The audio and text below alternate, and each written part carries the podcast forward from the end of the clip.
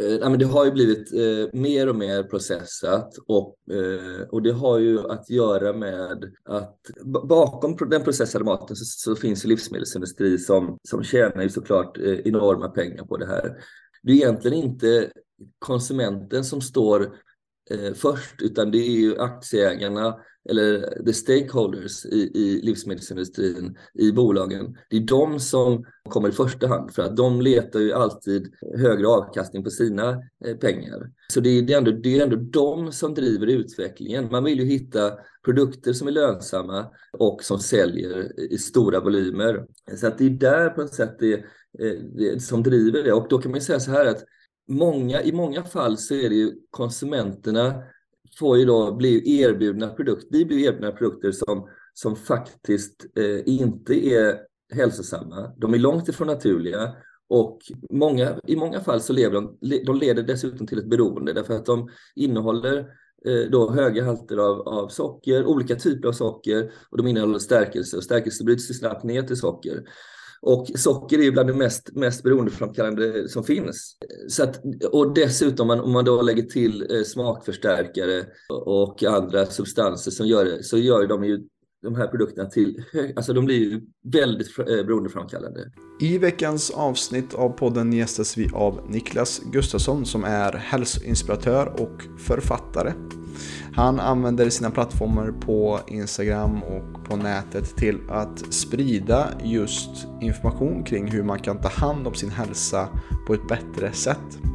Och i det här samtalet så pratar vi just mycket om hur vi kan använda vår mat och matlagning till ett bättre sätt för att läka oss själva. Vi pratar också mycket om den processade maten och vad den har för negativa hälsokonsekvenser för oss.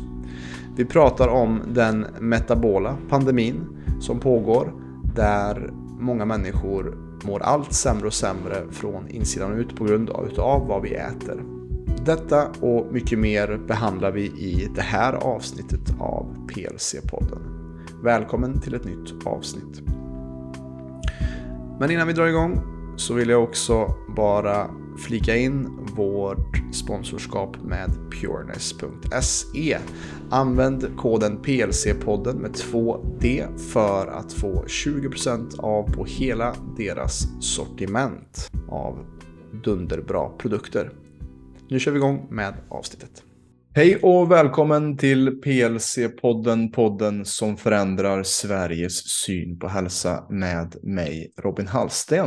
Och idag gästas vi av hälsoentusiasten Niklas Gustafsson som är författare, triatlet, fader. Han har också grundat eh, Gustafsson Health Foundation mot barnfetma. Och han är minst sagt hungrig efter förändring, vilket vi kommer komma in på på vilket sätt. Eh, han har också grundat företaget Naturally, där han också gör produkter som är naturliga och bättre för oss att konsumera. Och jag hittade honom på Instagram faktiskt, där han också influerar och har en stadig följarbas där han också utbildar människor kring mat och hälsa i stort. Varmt välkommen till PLC-podden Niklas. Tack så hemskt mycket. Är det någonting som jag har glömt där eh, i den introduktionen som du skulle vilja lägga till om dig själv? Ja, det lät som en jättebra sammanfattning tycker jag. Ja. Jag är ju, jag är ju gammal så att eh, det finns ju mycket man kan lägga till där. Men 52 år.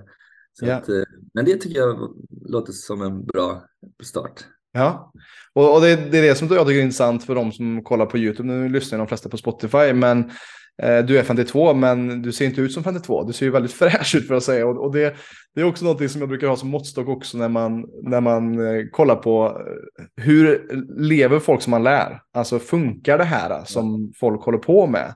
Ja. Eh, och när jag ser dig så ser jag en väldigt eh, hälsosam eh, ansikte och anlete och, och väldigt vibrant eh, personlighet helt enkelt. Ja. Ja, men eh, tack. Eh, jag strävar ju efter att såklart eh, leva så naturligt och så sunt jag bara kan och om det får resultat i hur man ser ut så är det väl bara positivt.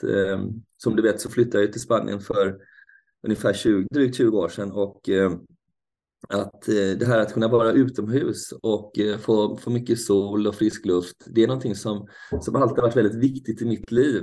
Så att, ja. att jag faktiskt bestämde mig för att flytta, eh, då, det var någonting som, som spelade in eh, väldigt mycket. Eh, mm. Klimat och just att kunna vara ute i, i solen. Det, just det. Ja. Och, och vad, vad, hur kommer det sig att du har det här brinnande intresset för att du har vikt liksom ditt liv här? Alltså du har ju en tidigare bakgrund med, kring annat såklart också, men att du senare åren har gått in just i mat, eh, kost och eh, hälsa. Vad, vad, är det som gör att du själv brinner så mycket för, för det just idag?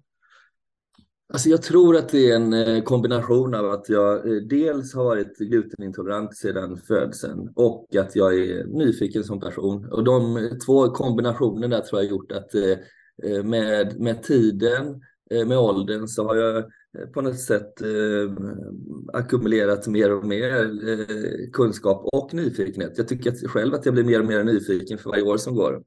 Mm. Men det började ju på något sätt med att jag eh, när jag var liten var, var annorlunda på det sättet att jag eh, inte kunde äta det som alla andra barn åt. Och när jag var liten så var det ju på 70-talet eh, så att det var, man sa att det var en på tusen som var glutenintolerant. Och, och idag är ju det där, ser helt annorlunda ut. Men, men på den tiden så fanns det egentligen inte så mycket att hitta i, i, i affären när du inte kunde äta bröd eller pasta utan eh, det mesta fick man göra själv. Alltså det som fanns var jättetråkigt. Glutenfri pasta på den tiden var ju, alltså det var ju så, det var ju i princip risstärkelse som man gjorde till, eh, till pasta och i olika former då. Kunde det vara spagetti, det kunde vara makaroner, men det smakade absolut ingenting. Ehm, så att eh, att redan på den tiden var, vara hitta på då, eh, e-, egna sätt att eh, uppfinningsrik helt enkelt, att hitta sätt att eh, eh, faktiskt äta gott trots att man inte kunde äta det som alla andra åt. Det var ju, jag tror att det var liksom gnistan som fick mig att eh, vilja uppfinna egna sätt. Mm. Och den här uppfinningsrikedomen som jag hade sedan, sedan barn, den, den, har liksom, den har jag alltid haft. Och ehm, eh, om, även min mormor, hon, hon, var inblandad där för att när vi var små så, så var det ofta farmor farfar, mormor och morfar som, som tog hand om oss när, när våra föräldrar jobbade. Eh, och, eh, och min mormor, även min farmor faktiskt, men, men framförallt mormor, hon, hon bakade mycket bröd eh, åt mig. Eh, och, och, hon, eh, att se henne då experimentera i köket, eh, det, det, liksom, det, det, det fick mig att bli nyfiken och eh, göra det med henne. Mm. Och på den tiden så var det ju, eh, det fanns ju inte lika mycket som, alltså i, i, idag så finns det ju alla möjliga typer av mjölsorter från, eh, då fanns det bovete eh, och det fanns hirs, hirsflingor minns jag. Eh, så det var liksom det som ofta blev basen i, i det glutenfria brödet som vi gjorde. Eh, men eh, idag så finns det, alltså ja, eh, det finns ju eh, 40-50 olika mjölsorter som jag använder mig av eh, i köket. Eh, det kanske var, de kanske vanligaste är väl eh, tapioca och quinoa och ehm, men alltså, men på den tiden så var det framförallt bovete. Så att, det kanske är så att jag tröttnade på bovete, men just idag så bovetemjöl tycker jag är bara den tråkigaste mjölsorten som finns. Kanske för att vi överanvänder det då. Mm. Men, men eh, nej, så det var där som vi började på något sätt när jag var liten och, eh, och alltid ville experimentera. Och, och sen så var det också så att man var ju tvungen att läsa innehållsförteckningarna på allting man åt eh, för att vara försäkrad sig om att, att man inte åt någonting som hade gluten i sig. Mm. Så ganska snabbt när man var liten så, så blev man ju expert på att läsa innehållsförteckningar. Och, och man, alltså det var ju också väldigt intressant för man, man blev ju expert på eh, vad, vad saker och ting innehöll. Om någon mm. sa till exempel, ja, vad är det i Kalles kaviar? Så visste jag att det var eh, fisk, fisk eh, torskrom och socker och tomatpuré och, och, salt. Och, jag visste ju vad allting innehöll. Eh, och det får man säga att det är ingen nackdel eh, att, att göra det. Och, och, därför att då inser man ju ganska snart att mycket av det man äter är ju processat. Redan på den tiden var det det. Idag är det mycket värre. Såklart. Men, men redan på den tiden så var ju mycket av maten man åt var ju processad och eh, den är ju processad av, av flera anledningar. Men, men en av dem är ju att det ska bli billigare helt enkelt att framställa. Mm. Men det är mycket, mycket av det, eh, stärk, socker, socker och stärkelse är ju till för att dryga ut eh, då. Så att Kalles Kaviar har så mycket annat än just torskrommen, det är ju för att eh, torskrommen är, är det som är dyrast i den produkten. Resten är egentligen utfyllnad. Mm. Eh, och det är samma sak med, med, med vetemjöl då, som används så mycket. Och, ehm, eh, men idag, så, i och med att så många är glutenkänsliga, ehm, eh, har ju lett till att livsmedelsbolagen faktiskt eh, ser till att eh, ersätta just vetemjöl med kanske potatismjöl eller med andra stärkelseformer då, som gör att, att glutenallergiker och glutenkänsliga konsumenter faktiskt kan, kan köpa produkten. Det är, allting har ju att göra med pengar till slut. Så att om de mm. kan bredda sin konsumentbas så, så, så gör de ju det. Eh, så länge det är för, eh, ekonomiskt försvarbart. Ja.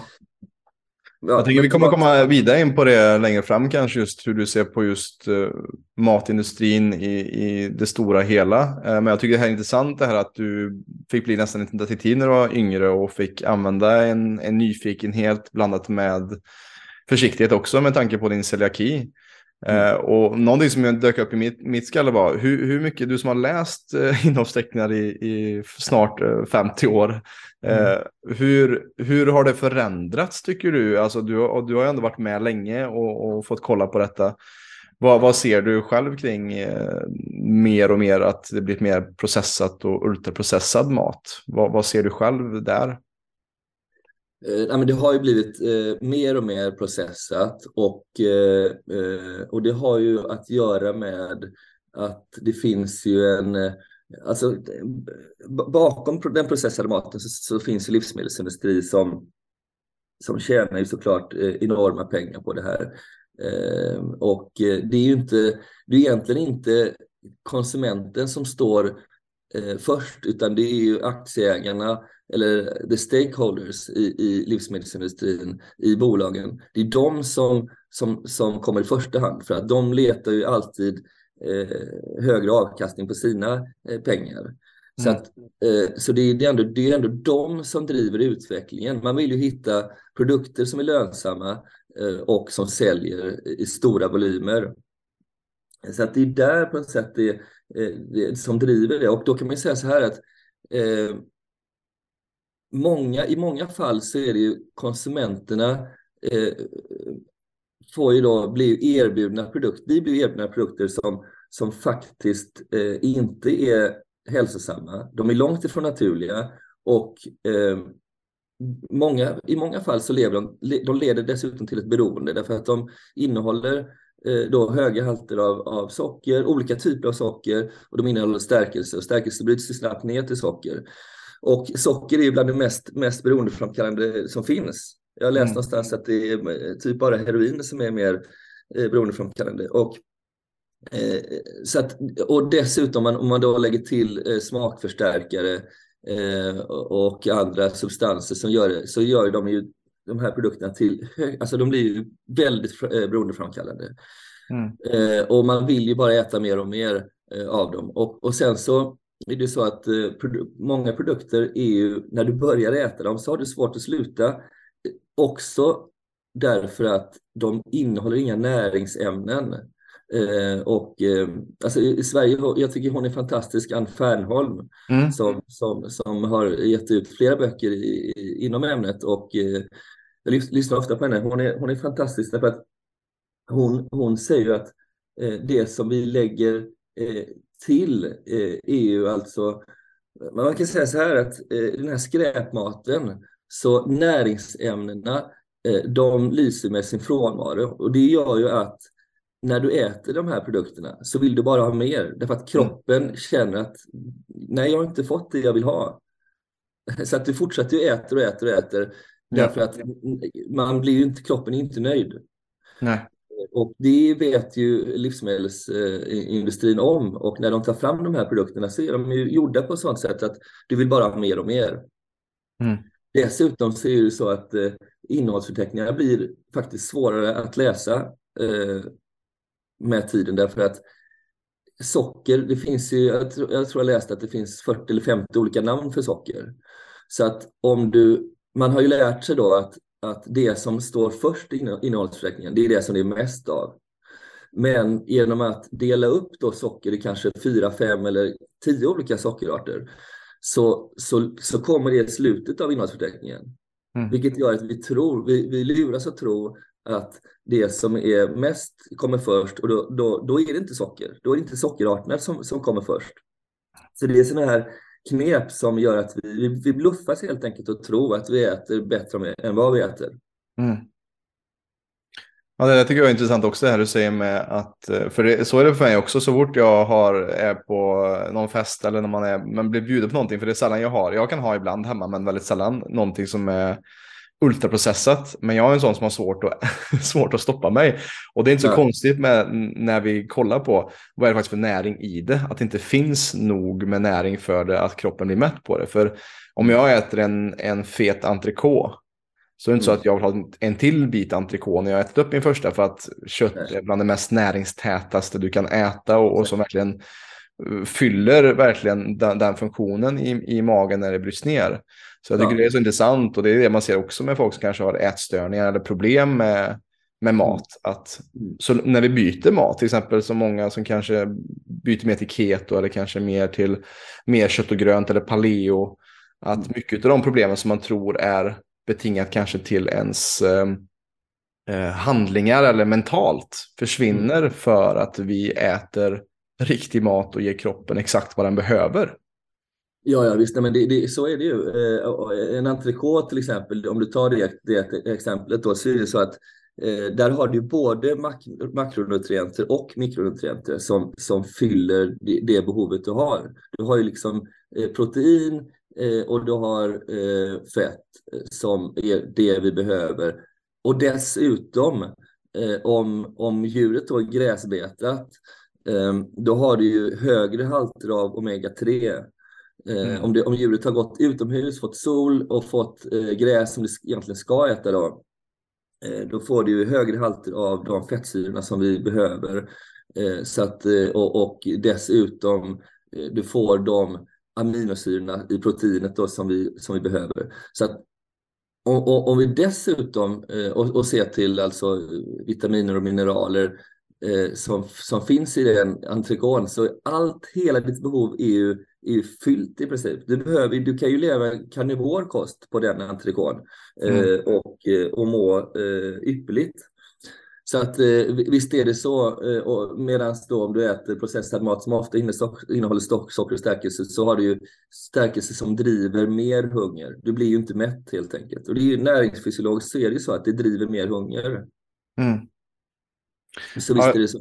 Ja, men det är, det är skitintressant för att, för att det där säger jag också när jag gjorde min research, research på det också att, att vi har en ganska liknande bakgrund på ett sätt. Att jag också var vegetarian och, och till och med nästan vegan ett, ett tag faktiskt. Eh, att jag inte köpte hem några mejeri och eh, animaliska produkter för att jag köpte det narrativet att, att det är det bästa som finns och att det är bättre med sojgurt och sådana saker istället för mejeriprodukter och både för miljön och klimatet och och nu så, som jag ser också att du är ju mera mot liksom, alltså keto eller paleo eller mera, mera animalier. Och, och, där har jag också landat i att jag mår bäst på att äta ganska rikt med animalier faktiskt. Mm. Särskilt om det kommer från bra källor. För det är exakt som du som var inne på här, att äter vi gräsbetande djur så har vi också en bättre omega-3 till omega-6 ratio. Alltså när vi mm. har djur som inte mått bra, eh, som är uppväxta på spannmål i hela sitt liv, så gör det också att den omega-6-ration blir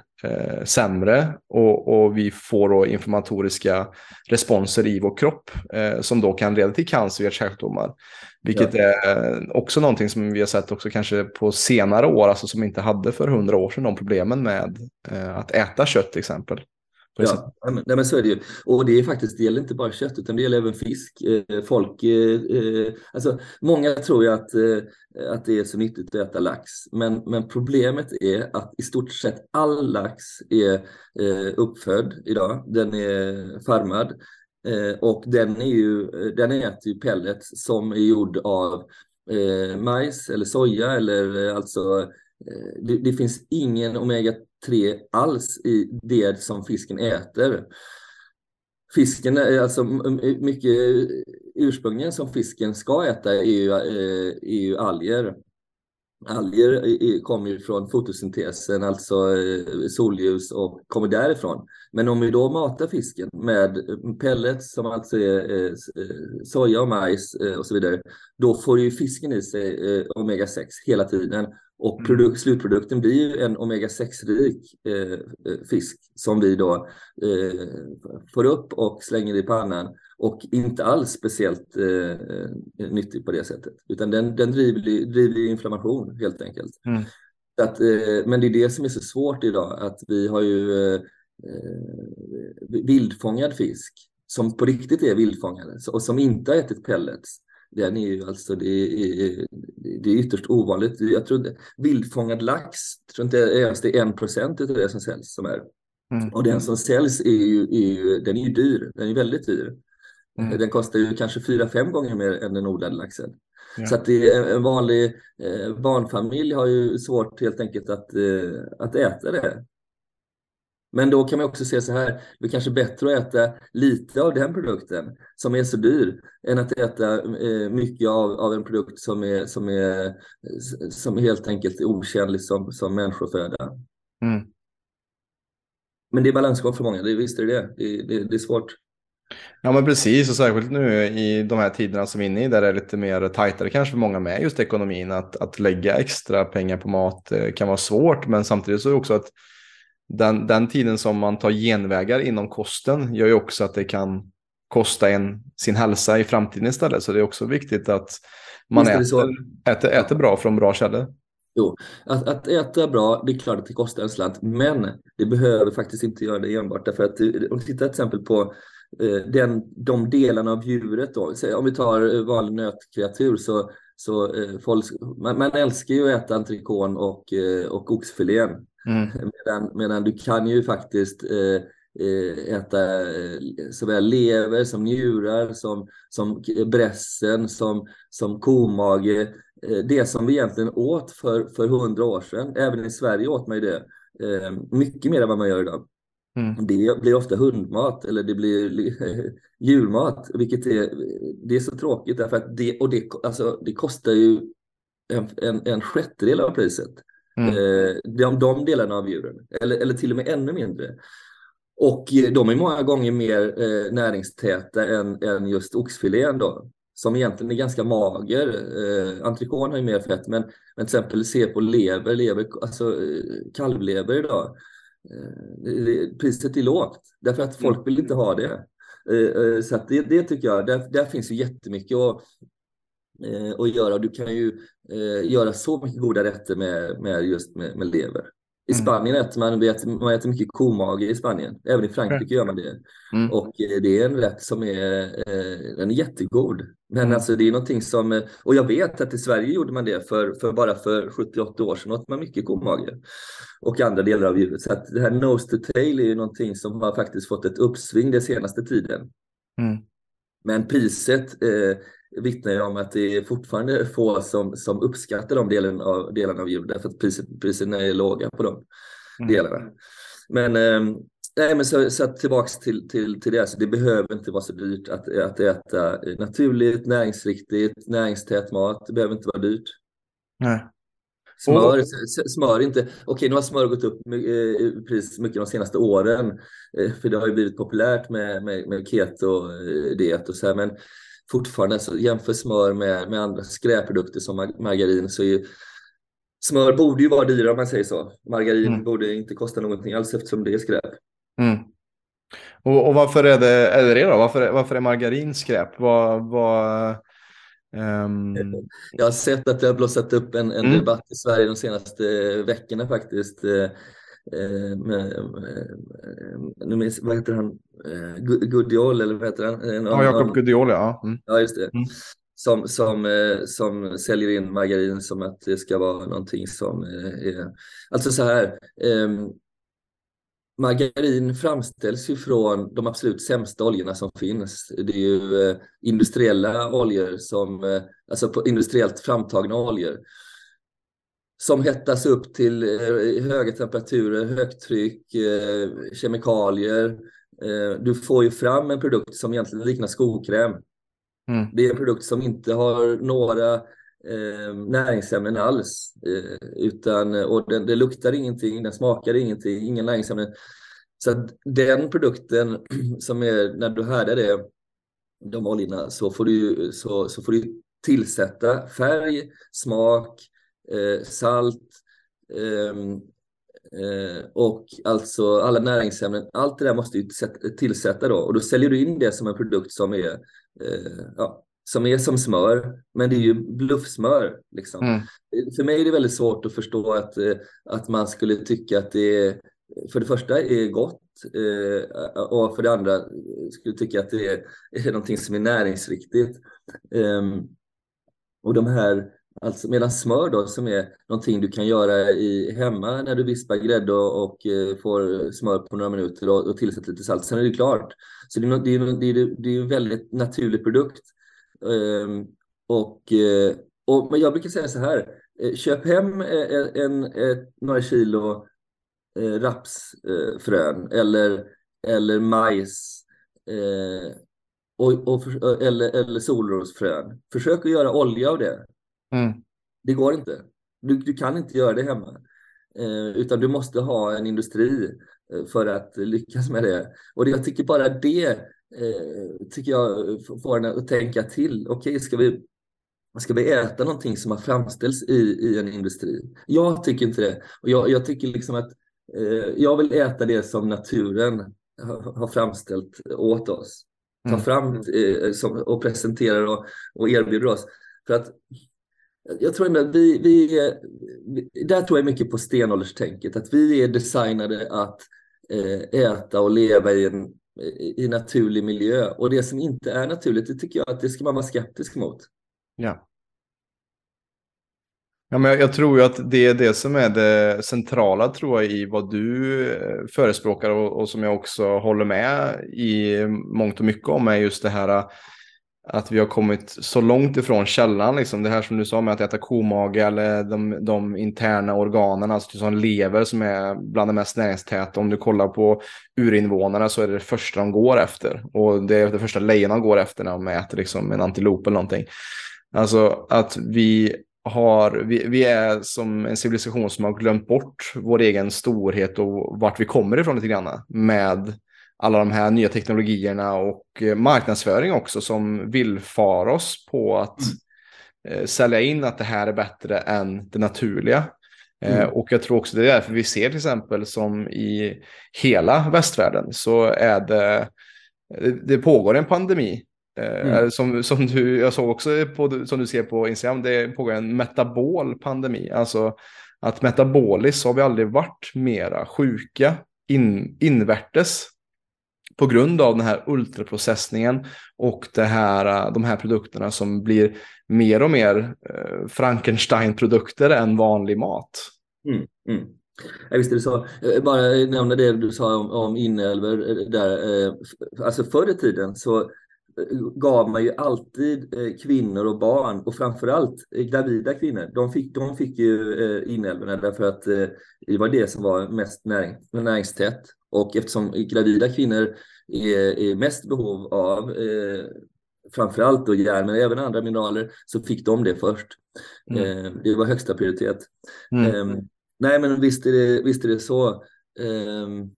Nu, nu tappade jag tråden lite där. Vad var det du, du sa efter det? Just det här, jag såg att eh, du la upp en post om den metabola pandemin. Ja, just det. Alltså just ja, ja. Hur, hur, hur mycket Ehm, utav det som vi äter också påverkar oss och gör att vi blossar upp och blir inflammerade också i både mage, tarm och, och inflammatoriskt liksom.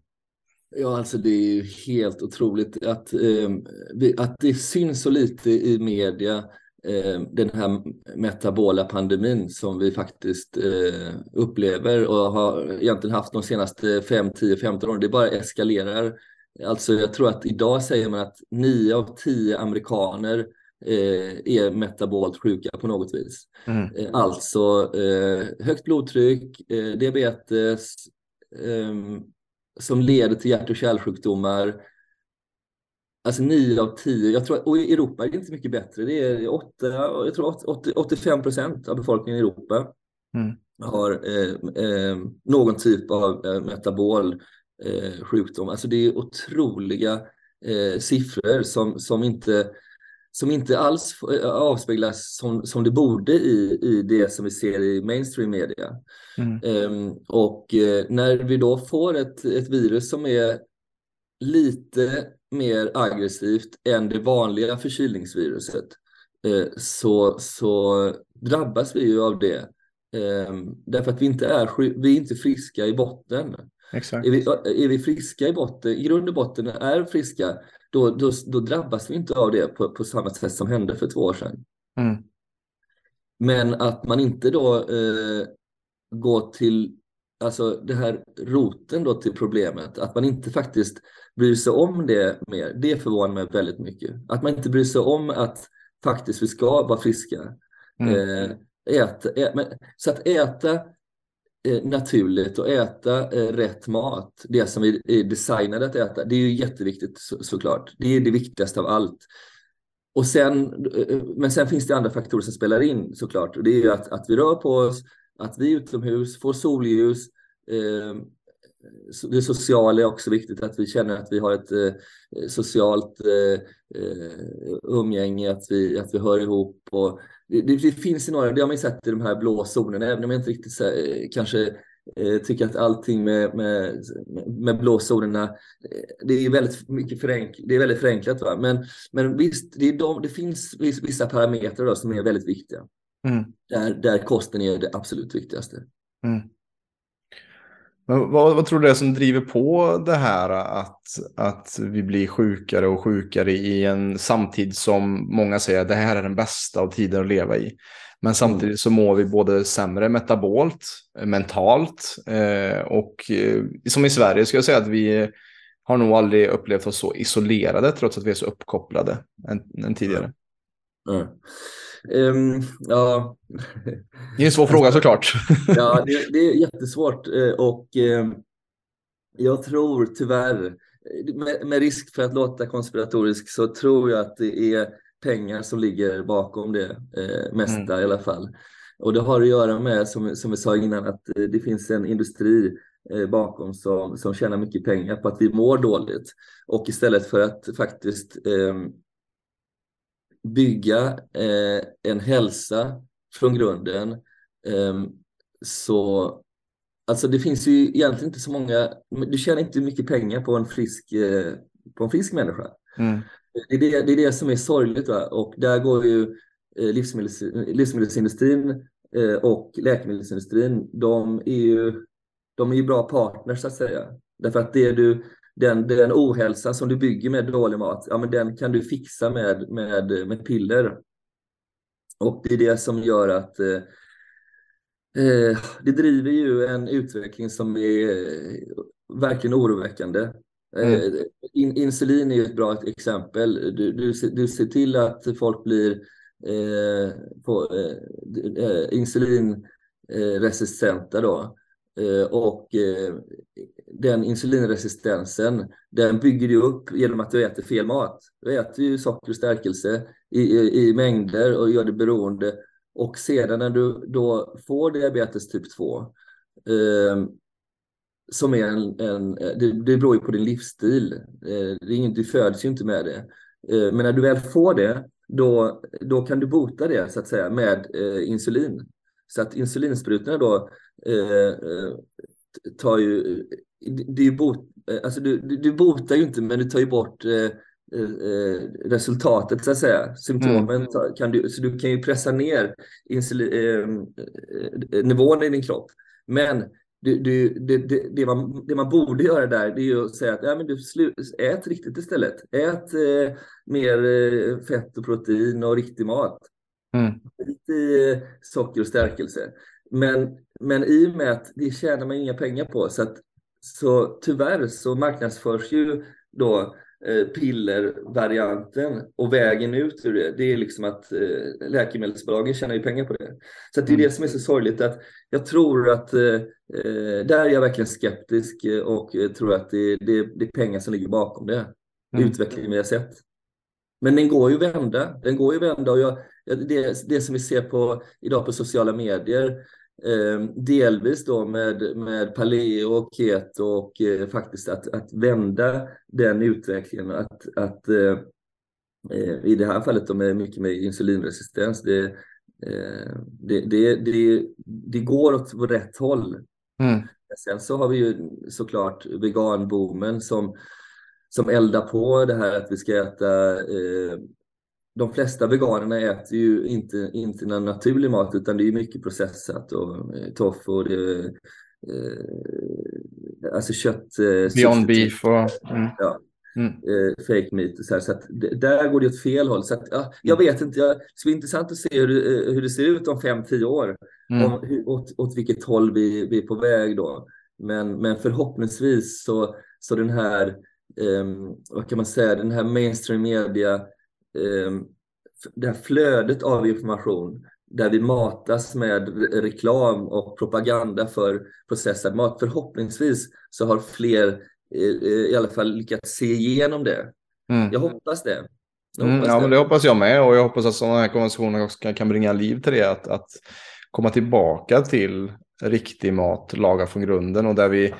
inte ens kanske har ingredienslistor på ett paket utan vi köper råvaror direkt från, eh, från producent. Alltså det hade varit det bästa mm. och lite som du är inne, på där tycker jag också så här med eh, att eh, om vi kollar på just hur vårt samhälle är uppbyggt med att det ska vara ständig tillväxt så är det också så att det hade ju varit bättre om vi haft, istället för att ha en BNP, ha en, en, någon sorts välfärds-BNP, något, något, i något index för vad faktiskt gör oss hälsosamma. Att det skulle premieras istället för att det ska vara ständig tillväxt som du säger. Man, man kanske skapar en produkt och så, som skapar bieffekter till att man behöver medicinen eller vad det nu kan vara. Mm. Att, att till exempel som om man ser som på USA som har världens största militärkomplex och skapar säkert jättemycket triljoner med, med eh, omsättning på grund av det. Men det bidrar också till att förstöra mycket ja. det vi ser ut i världen. Och det är inte långsiktigt. Du kan ju inte, ett, ett samhälle eh, kan ju liksom inte växa eh, i all oändlighet samtidigt som vi blir sjuka. Utan på, förr eller senare så, så tar ju den tillväxten slut därför att, därför att vi som lever och verkar i samhället, vi blir sjuka. Mm. Att, eh, jag tror på något sätt att pendeln måste svänga eh, åt, åt det andra hållet förr eller senare. Jag tror att vi har kommit dit faktiskt. Det, kän, jag känner, det, kanske, det kan ju vara så att jag, eh, eftersom jag är själv så entusiastisk och eh, inne i hela det här, eh, så, där vi ser då en förändring och vi ser att folk faktiskt äter mer då till exempel som vi nämnde innan, nose to tail och att vi letar efter gräsbetat när vi går och handlar och så vidare. Jag ser det jättemycket, men, men det kan ju vara så också att jag är färgad mm. Eh, och, eh, och partisk. Men, nej, men jag tror att vi har, nått, vi har nått på något sätt en punkt där pendeln håller på att svänga åt andra hållet i alla fall och att vi letar. Ja, men därför att jag tror att de flesta eh, eh, känner någon som har dött i cancer till exempel, eller känner någon som har cancer. Ehm, och eh, hjärt och kärlsjukdomar och de här livsstils eh, välfärdssjukdomarna. Mm. Många av oss, jag tror i stort sett alla, eh, känner någon som har eller har, eller har haft eller till och med gått bort i, i de, någon av de välfärdssjukdomarna. Jag tror att det gör att vi faktiskt får en tankeställare. Och när man då kan koppla eh, också hjärt och kärlsjukdomar och cancer och diabetes till eh, sättet vi lever då tror jag att vi faktiskt, eh, det blir en väckarklocka. Ja, men det är lite som att en, en slöja lyfts upp lite från, eh, från eh, kanske den vanliga befolkningen. Att, ja, men vänta här nu. Sättet, vi blir, mår bara sämre och sämre, men vi eh, får höra att det här ska vara bra för oss och det här ska vara bra för oss. Men, men jag prövar någon annan sak, eller jag kollar på Niklas som verkar se jättehälsam ut och gör triathlon i 50-årsåldern och det där verkar funka för honom. Alltså jag tror att det, att det finns mycket mer information idag också än vad som funnits tidigare. Mm. Där man kan göra sin egen research och eh, som vi snackar om mycket på PLC, att ta tillbaka sin egen inre aktivitet, att hitta vad funkar bäst för min kropp? Vad är det som jag mår bra av och hur känns det att mm. bara äta massa processade produkter som har massa med socker i sig som har marknadsförts på ett bra mm. sätt till mig jämfört med att äta kött och grönsaker? Jo. Och det handlar inte bara heller om din egen hälsa. Det handlar om vilk, vilket, vilket, vilket samhälle vill du leva? Eh, alltså, eh, vill, du köp, vill du köpa dina produkter från tio multinationella bolag? Mm. Eh, vill du köpa det du äter från eh, Unilever, Nestlé, Kraft Foods, eh, Pepsico? Eller vill du, eller vill du gynna eh, bonden som, som lever två kilometer från dig? Mm. Eh, att, att hitta närodlat, att faktiskt bry sig om det som, som, som finns nära dig och som är mycket mer naturligt. Det, för mig är det en Eh, alltså det, det, det, det, bara är så att jag vill gynna honom. Mm. Och, eh, och det är det som får mig att tycka att den här debatten att, eh, att man inte ska äta rött kött, mm. den är ju helt, den är helt galen. Alltså rött kött du ska ju skämmas om du äter rött kött idag. Om du köper det, om du äter det, du, du, det, det är liksom inte acceptabelt. Alltså, så här, det ses inte som någonting som är eh, okej, okay, tycker jag, i dagens samhälle. Utan det, ska, det, det, det har ju belagts med att så här, du ska skämmas om du gör det. Och det, det är väldigt märkligt därför att rött kött är ju, eh, för det första, om du jämför det med, med, med gris och eh, fågel så är ju det är mer näringstätt. Är det? Det är 30 till 40 procent eh, mer näringstätt än just eh, gris och, fågel. Dessutom så gräsbetande djur kan du ju ha, eh, de är mycket mer självständiga. De, du kan ju släppa ut dem så går de och betar ett, gräs och, och blad. Medan kyckling och gris i princip i stort sett allt gris och fågel är ju idag alltså någonting som vi måste, vi måste mata dem och vi måste se till mm. att de får eh, vatten och tak över huvudet. Det finns några få exempel, bland annat i Spanien så är det att de här eh, iberiska eh, grisarna, det finns en, en, speciell ras som är lite mittemellan vildsvin och den, den, den, den, vanliga rosa grisen. Som, mm. och, och, det, och de går ju ut och, och äter ekollen eh, året runt. Mm. Ja, och eh, de är lite mer självständiga på det sättet. Men annars är liksom gris och fågel Eh, är ju eh, mindre självständig helt enkelt. Och att du, så att du då eh, kan, kan släppa ut de här gräsbetande djuren. Och det är kor, det är, men sen har du getter och, eh, och, och, och får och buffalo och, och att de då omvandlar någonting som vi inte kan äta själva. De äter ju gräs och de äter blad och omvandla det till alltså ett, ett, eh, ett aminosyror, protein som vi sen får i. Det, det är någonting som är ett, ett utav, eh, det är ett mirakel på vår planet. Att, att, det, att, vi, så att, att vi på något sätt skulle skuldbelägga det. det jag tycker att det, eh, det finns liksom ingen, det finns ingen, tycker jag, eh, det finns ingen eh, det finns inget förnuft i det.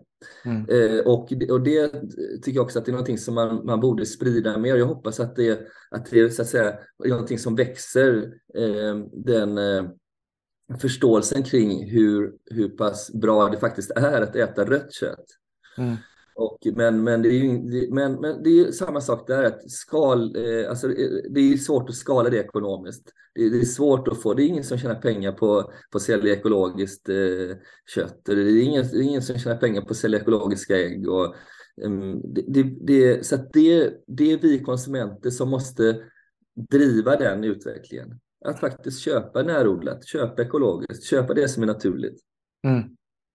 Ja, men det är det som är intressant med den debatten också med just eh, kor och kofisar och, och, att de släpper ut metan. Och, alltså vad som är sämst för naturen det är ju när vi har miljoner med människor som lever i en urban miljö som skräpar ner och, och, och, där vi ser också till exempel som att, att korna är ju en fantastisk resurs, resurs för att regenerera jorden som vi år efter år förstör, alltså toppjorden med till exempel glyfosat och andra, andra herbicider och pesticider för att mm. det ska fortsätta växa år efter år.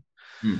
Eh, så, så att det är också intressant hur man skulle lägga någonting som är så naturligt. Eh, och jag tror att det är också kanske en del av vår samtida, alltså att inte se att det är människans påhitt och påfund som kanske i grunden eh, skadar mest men att vi vill gärna skylla på andra saker. Nej, alltså eh, det här med veganboomen då och eh, det som är så, har blivit så fel i debatten. Man, man, tror ju då, veganer tror ju att ja, men vi, vi räddar eh, planeten genom att äta eh, veganskt. Men alltså, jag tror att ganska få av dem är insatta hur den födan, hur den verkligen kommer till din tallrik så att säga. Därför att det, det handlar ju om monokulturer där man odlar en, en gröda då på enorma arealer, eh, oftast eh, soja, vete, eh, korn, ris eh, och naturens sätt att odla på, det är ju inte monokulturer.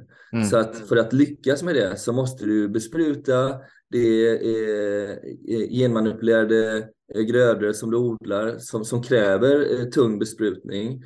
Um, och, och, då, och dessutom konstgödsel. Då. Så, så det leder ju till att för att lyckas med det så måste du ha större och större eh, volymer och det slår ju ut till slut eh, den, den lille bonden. Så att, så att småskaliga jordbruk, det, det finns ju knappt längre. Det, det är tragiskt för att det går ju helt åt fel håll. Eh, när, så att vad vi egentligen behöver det är ju det här regenerative farming. Att mm. vi alltså har kor som går och betar eh, som, och som i sin tur gödslar, som du säger då, eh, marken. Och att vi får det ekosystemet, det kretsloppet att funka igen. Och det, mm. Så är det ju inte idag. Och, och att eh, Bill Gates köper upp eh, enorma arealer med, med jordbruksmark och gör om allting till monocrops. Alltså det är helt fel väg eh, att gå. Eh, men, eh, men återigen, det, där är det pengarna som styr. Det är pengarna som styr eh, än så länge. till dess att vi kanske blir så sjuka så att det någonstans ringer en väckarklocka att nu är det dags att ställa om. Mm. Men, men än så länge så har det helt klart varit den här så att ekonomin har styrt det åt utvecklingen åt det hållet.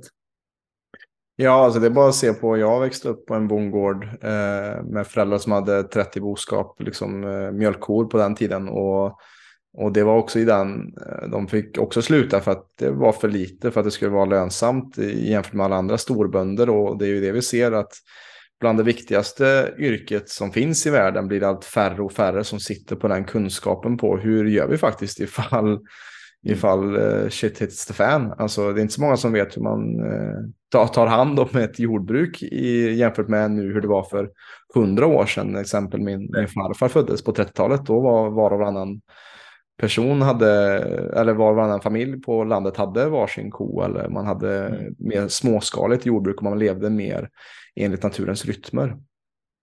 Och det där är någonting som eh, nu i med Ukraina, eh, Ryssland, eh, faktiskt folk har vaknat till liv lite grann och inser att oj, vad beroende vi har blivit mm. av eh, livsmedelsförsörjningen. Eh, Därför mm. att den, den kommer ju många gånger från andra EU-länder. Eh, och skulle det verkligen bli krig, om vi skulle få krig i Sverige, så, så läste jag någonstans att då har vi två, två tre veckor med, eh, det är i princip det som finns i, i lastbilarna eh, mm. med, eh, som, som, som, som kör ut varor till, till eh, våra livsmedelsaffärer. Det är i princip det som finns eh, i, mm. i tid då. Eh, och sen är det slut.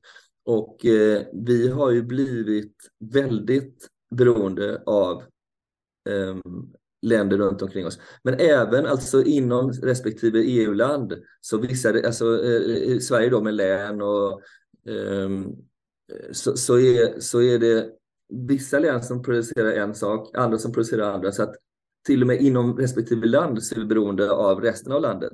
Mm. Så att, eh, och, och händer någonting då att, och, och, att vi får problem med transporter och så vidare, då, då står vi där och har inte det som vi alltså behöver för för att eh, klara så att säga dagen. Mm. Och, eh, och det är någonting som, som vi, jag tror att det är någonting eh, som även det talar för att bli, vi ska bli mer lokala igen. Mm. Och, och tänka på hur ska vi kunna försörja oss eh, inom bara några kilometer eller max några mil. Mm. Och det, jag, jag hoppas att, det, att man faktiskt får en tankeställare nu, att det är någonting som vi borde tänka på att klara det. Hej min vän, Jonas här. Är du, precis som många andra, trött på dieter, kurer och kortsiktiga upplägg som aldrig funkar i längden? Du kanske tidigare har försökt göra en förändring kring din vikt eller ditt mående, men aldrig riktigt fått det att bli hållbart. I så fall så kommer du nu få chansen att lägga upp en realistisk och tidseffektiv hälsoplan som ska funka ihop med livspusslet under hela 2023. För på onsdagen den 28 december och 4 januari klockan 19.00 kommer jag hålla ett kostnadsfritt webbinar. Här kommer jag gå igenom nycklarna till hållbara vanor och hjälpa dig skräddarsy en plan för att skapa en balans kring alla hälsoområden. Om detta låter intressant så klicka in på länken som ingår i det här avsnittet. Men med det sagt, tillbaka till dig Robin. Ja, absolut, det har jag haft på min tunga i många år. Alltså sen jag blev, började äta kött igen efter att, att vara noga med att köpa från lokala producenter att, att istället för att vara vegetarian att bli lokalitarian. Att försöka mm. eh, med mina pengar också försöka få så att det, annars så överlever jag inte. Om, om jag skulle köpa kanske lite billigare kött som är skeppat in från Brasilien så hade det inte det kunnat Eh, då gynnar inte det den lokala bonden. Men gör jag och, och lägger jag mina pengar på lokala ekologiska produkter så kommer det också växa förhoppningsvis, eller i alla fall få finnas kvar. Mm. Och jag tror att det som är viktigt att se att eh, som du sa, att det behöver inte vara dyrare om man också är beredd att äta de mer näringstätare sakerna, nose to tail, också när det kommer till kött till exempel, då, som kan vara dyrt, som vi har pratat om. Mm. Um, så det finns många aspekter där som är, är viktiga att lyfta. Men, men jag är också nyfiken Niklas på vad, vad ser du är så vanliga hälso, inom hälsosvängen eller i livsmedelsindustrin som du ser som lite myter och som du märker är väldigt vanligt som du har punkterat? Alltså en av eh, hälsotrenderna då är, är, ju, är ju, eh, och har varit de senaste tio åren, eh, havremjölk. Mm havremjölk är väl lite som en eh, som när jag förklarade hur margarin eh, funkar. Att eh, du, du tar egentligen billiga, billiga, råvaror, billiga råvaror, billiga dåliga råvaror och, och marknadsför det, förpackar det och marknadsför det som någonting som, som är nyttigt helt enkelt och som dessutom är naturligt. Och i, i jag ska inte nämna några namn, men det finns ju eh, havremjölk som, som till och med marknadsförs som att du är en del av en revolution, att vi ska inte, vi ska inte skada några djur och, utan vi ska, vi, ska, vi ska rädda världen helt enkelt. Mm. Och lyckas man med det så är det ju väldigt stora pengar i det. Mm. Och eh, havremjölk är en sån, eh, ett sånt exempel. Så, så, där du har alltså eh, eh, eh dåliga råvaror, råvaror till låga priser och till, till, till dålig kvalitet och dessutom tillsätter då emulgeringsmedel, fröoljor som vi nämnde innan som är höga på omega-6 och, eh, och andra tillsatser. Så det är en mm. skräpprodukt. Mm. Eh, och, men men så det, det är ett exempel på, på någonting som, som, som säljer väldigt mycket och det finns väldigt mycket pengar i det. Men sen så, alltså vegan, eh, veganprodukter som vi nämnde innan, eh, fake meat, eh, olika typer av eh, produkter som där du ersätter då. Eh, för att många veganer har ju varit, eh, har ju varit, ätit, har varit allätare innan men sen så kommer de in i det här att vi, vi, ska, vi ska rädda världen och, och, och eh, då letar de ofta efter substitut. Och substituten är ju någonting som man försöker hitta någonting som liknar då det som man ätit innan smakmässigt. Mm. mm. Och, och därför så just inom, inom veganvärlden eh, så finns ju mycket, mycket skräpprodukter som är, innehåller ofta tillsatser, må, alltså lång lista av tillsatser. Jag tror den här Beyond Meat, eh, Fake Meat eh Alltså när du, när du läser den innehållsförteckningen, jag tror att det är 35-40 Eh, ingredienser. Så att eh, ja, det, det, är inte, det, det, och alltså det, det blir väldigt långt från naturen. Det blir väldigt långt från där vi designade att det vi designade att äta då. Mm.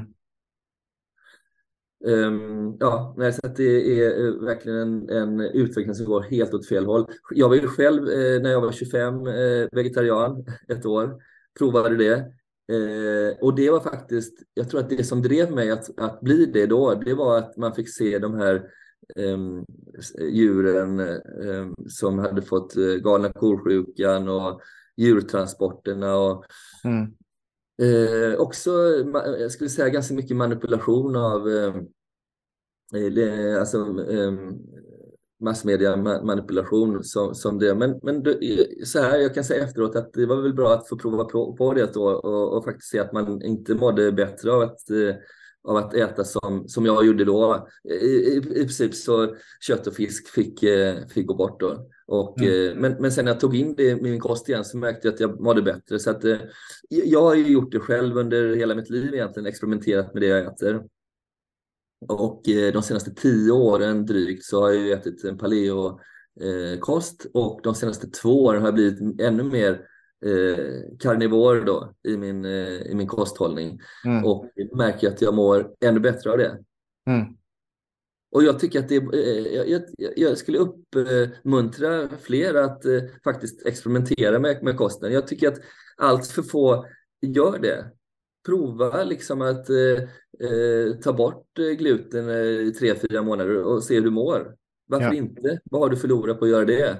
Mm. Eh, prova att eh, eh, exkludera någonting som ja, men till exempel tomater eller, eller aubergine, nightshade-växterna. Då. Om du, varför inte? Du kanske mår bättre sånt som du på något sätt har trängt undan. Med, kan, det kan vara eksem, det kan vara eh, kanske kan vara astma. Det kan mm. vara sånt som, eh, jag har faktiskt flera kompisar som, som, som, jag, som har gått må, kanske hela sitt liv och hela sina liv och haft några åkommor som de har tyckt att ja men det är väl så det är. Men det behöver inte vara så. Du behöver inte gå omkring med eksem eh, och, och hosta och varför inte prova? Kosten är ofta eh, faktiskt eh, grunden till de här autoimmuna sjukdomarna.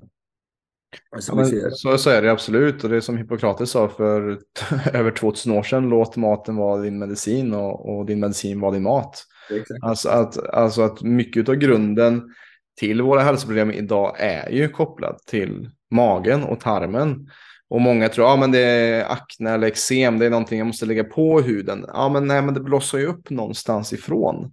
Mm. Om inte din mag, om din eh, mage och tarm är i dysbios eller att det inte är en, en harmoni där så kommer ju det att läcka ut någonstans. Och, och precis som du säger, vi har klienter som vi rekommenderar just som vi rekommenderar i den PNC ta bort, eh, man behöver inte sluta helt, men har du problem, då är det bra att ta bort gluten och mejeriprodukter en, en stund och se hur det funkar. Och jag hade en klient häromdagen som jag har problem med magen i 25 år, jag tror det var snusen, trodde, trodde han.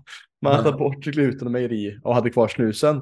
Ja. Och, och, och, det är ju också är så många som lider i onödan eh, och ja. som får problem med till exempel eh, läckande tarm och, och andra saker och autoimmuna saker för att saker som egentligen ska vara i tarmen, i magen. Eh, I och med att man kanske har då en kompromissad tarm och tarmludd, men när man kanske äter mycket gluten och andra produkter, så gör det att saker läcker ut i kroppen. Och det är det Nej. som blir autoimmunt, att kroppen börjar försvara sig mot det som egentligen inte ska vara där. Så är det ju. Och eh, jag tycker det, att inte fler känner till AIP Mm. Eh, alltså det, det, eh, antiinflammatoriskt protokoll är någonting som kan bota många av de här eh, eh autoimmuna sjukdomarna. Mm. Och eh, jag, jag, tycker bara att fler borde, borde prova det. Och då, vad du gör då är att du, du tar ju bort allting som kan skapa inflammation i kroppen.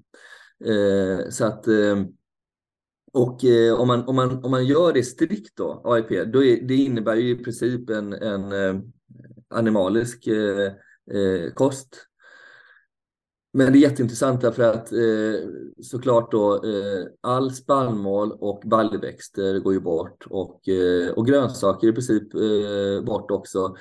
Eh, eller det, det, går bort all, allting. Och det, det finns en anledning till det därför att eh, och det har även alltså när man förklarar hur glutenallergi funkar. Det, det är ju ändå så att all, alla frön Eh, så, som, så spannmål och baljväxter, deras uppdrag i livet är att hamna i jorden och att bli en växt. De ska, mm. de ska ju slå, eh, gro och de ska bli en växt och att de skyddar sig, det är ju så att säga, det är självklart. De vill inte bli uppätna. Så att alla de, de, de, har, de har ju mycket antinutrienter då, som, som växtgifter helt enkelt för att skydda sig. Så att eh, baljväxter, eh, lektiner alltså är en, eh, en av de här eh, antinutrienterna och, eh, men även gluten, alltså gluten ehm, vetekornet vill ju eh, hamna i jorden och slå, slå, slå eh, gro och bli liksom en eh, och bli en växt så att, att de skyddar sig. Det bara är så. Och det innebär att för oss människor så är ju alla är vi glutenkänsliga. Alla är vi glutenkänsliga. Mer är vi, eh, vissa är mer än andra. Och jag då som har celiaki sedan, jag, sedan födseln, jag är ju mer glutenkänslig än Kanske du då? Jag vet inte om mm. du äter gluten, men... Ibland, men, men väldigt sällan. Mm. Ja. Så att det där är jätteintressant att eh, faktiskt förstå att vi ska inte äta eh, egentligen spannmål eller baljväxter. Och som, som, sagt, jag slutade äta när jag bytte till en paleo kost för tio år sedan så slutade jag äta linser och bönor också. Innan dess åt jag det. Men du märker ju ganska snabbt att du gaser i magen, alltså med en paleokost så, så, får, så har du ju inte det. Mm. Och det är ju att, inte, att man inte, så att säga, jag, jag tycker att fler, fler borde prova på den kosthållningen faktiskt där man exkluderar spannmål, baljväxter. Och även som jag har gjort då de senaste två, tre åren faktiskt blivit väldigt försiktig med mm, sallad, alltså grönsallad med eh, broccoli, eh, med spinat och, och alltså, för de har ju också, de har ju mycket oxalater som är ett annat växtgift som gör att du, att du eh, eh, din mage eh, svullnar upp och, och dessutom vissa resultat av att du äter det som du inte ens märker, det är att du får sämre näringsupptag. Så att oxalaterna och lektinerna, de gör ju att du tar upp eh, andra näringsämnen mycket sämre. Och det är jätteintressant. Eh, och det är där, men det är ingenting som du kanske märker Viss, viss, vissa, vissa resultat av det du ändrar i din kost, det märker du redan samma dag. Mm. Därför att du kanske inte får gaser, därför att din mage inte svullnar upp. Men sen finns det andra resultat av den, den förändring, de förändringar som du gör i din kost som det, det kan dröja månader, till och med år innan du märker eh, de resultaten. Mm. Så att, eh, och det är klart att om man läser om, om vad ett växtgift är, om man, om man fördjupar sig lite och nördar in sig så klart att ja, då, då förstår man hur det hänger ihop. Men själv så, det här är ju ja, det här är någonting som jag började intressera mig för för tio år sedan ungefär. Eh, och, eh, så, så, jag levde ändå 40 år utan att känna, att känna till det här och vad egentligen gluten är och, och vad växtgifter är för någonting. Så att själv så tog det ju många år innan jag kom till klarhet i det. Mm. Ja, men det där är ju så intressant, för det har också varit nytt för mig också de senaste åren, just det här att, att de här försvarskemikalierna som också växter utger. För att en, en ko eller en antilop eller någonting som vi äter, de springer ju iväg när, när vi ska försöka äta dem. Medan i naturen så har vi också olika färgkoder där vi, ja men det här ska inte ätas. Eh, och, och, precis som du säger så är det ju mer alltså de, eh, till exempel frukter och bär och sånt som har frön i sig som man, de vill att vi ska äta upp så att vi ska bajsa ut så att det kan växa på nya platser. De, har ju mindre utav det här eh, som du snackar om, antinutrienter och, och försvarsmekanismer. Och, och det är också det som jag tror är varför vi kanske också idag har mer problem metabolt är för att vi inte har tiden heller att göra så som vi gjorde förr. Mm. Förr så var det mycket fermentering eller man kanske hade mer tid att lägga in saker. Eh, och man la mer tid i, och omsorg i, i köket för, för att just eh, eh, bryta ner antinutrienter. Som till exempel förr så stod det på havregryn blöt, blötlägges dagen innan man äter det. Det gör det inte längre tror jag på, på paketen som finns. För att just det bryter också ner antinutrienterna. Ja. Um, och, och gör du det och blötlägger du och kokar och så vidare så blir du av med en del men du blir inte av med allting. Eh, och och det, då finns det de som säger att ja, men jag äter surdegsbröd, surdegsbröd för att det, är eh, mindre gluten i. Ja, men det är mindre gluten i det. Därför att som, mm. som du säger så jäsningsprocessen bryter ner en del av gluten mm. eh, och andra antinutrienter. Men det, det, är inte så att det blir glutenfritt av det. Mm. Ehm, eh, och när du, när du jäser eh, vitkål så, så blir du av med en del av antinutrienterna, växtgifterna också. Visst är det mm. så. Men, men, eh, men om du är känslig, och det är det som är med, med AIP då, att när du exkluderar allting under en viss tid, då, då, vad du gör då är att du läker ju tarmen. Tarmen får liksom en möjlighet att återhämta sig, att bygga upp eh, slemhinnor och så vidare eh, igen.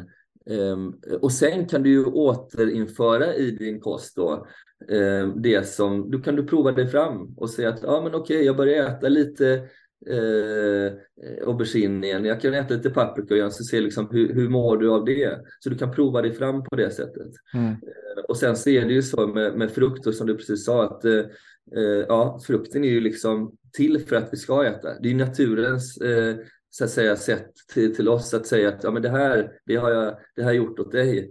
Och när du äter det så, så, så precis som du säger så får du i fröna och sen så kommer det ut andra vägen.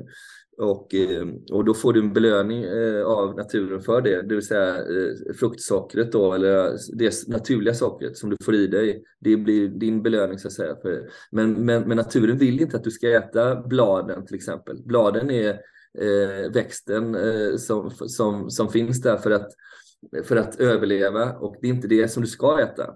Därför, mm. så, därför så försvarar sig växten med det och gör att eh, och vill ställa till besvär för dig som äter upp det med, med växtgifterna. Då. Så, mm. Men precis då så är det ju med eh, djur att de, de flyr ju eh, eller, eh, eller slår tillbaks med, med ja. näbbar och klor. Ja, exakt. Så, det, så det, det, det, är väldigt intressant eh, faktiskt och, och om, man, om man förstår hur natur, naturen funkar på det sättet mm. så tror jag att det är lättare också för oss att, att äta naturligt och äta eh, mm. hälsosamt. Mm. Men jag också så här, jag, jag tänker med lyssnarens öron som, som, som inte hört det här tidigare alls. För att man mm. kanske har hört att du ska äta en grönsak för att bli stark och så vidare. Vad, vad hade du sagt till någon som lyssnar eh, kring det då? Som bara, men va? Broccoli, spenat, är ju bland det nyttigaste som finns Niklas. Vad, vad hade du sagt till någon som lyssnar då kring detta?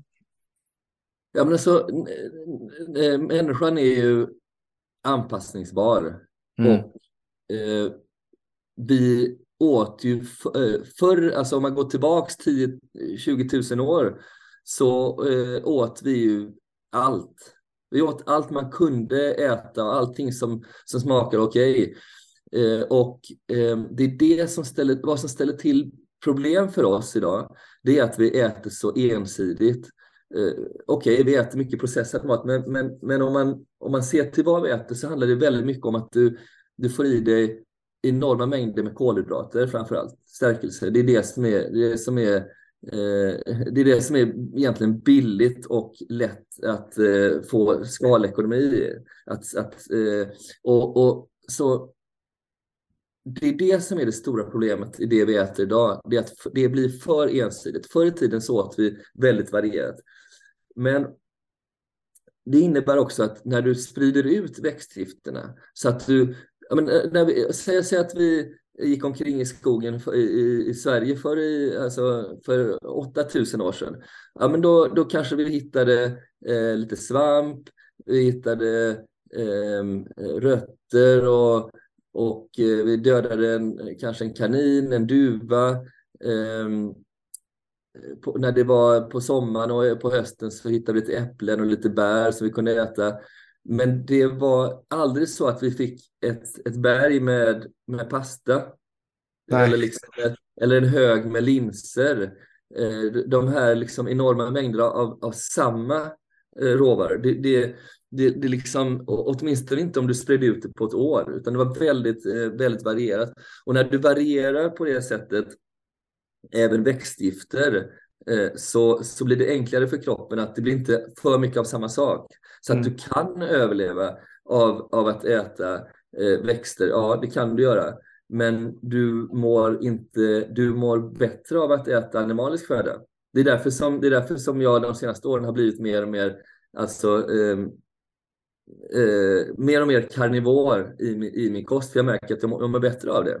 Mm. Eh, men okej, okay, du, du, du kan överleva av att äta växter, men då får du äta väldigt varierat. Annars får, förr eller senare så får du bristsjukdomar om inte annat.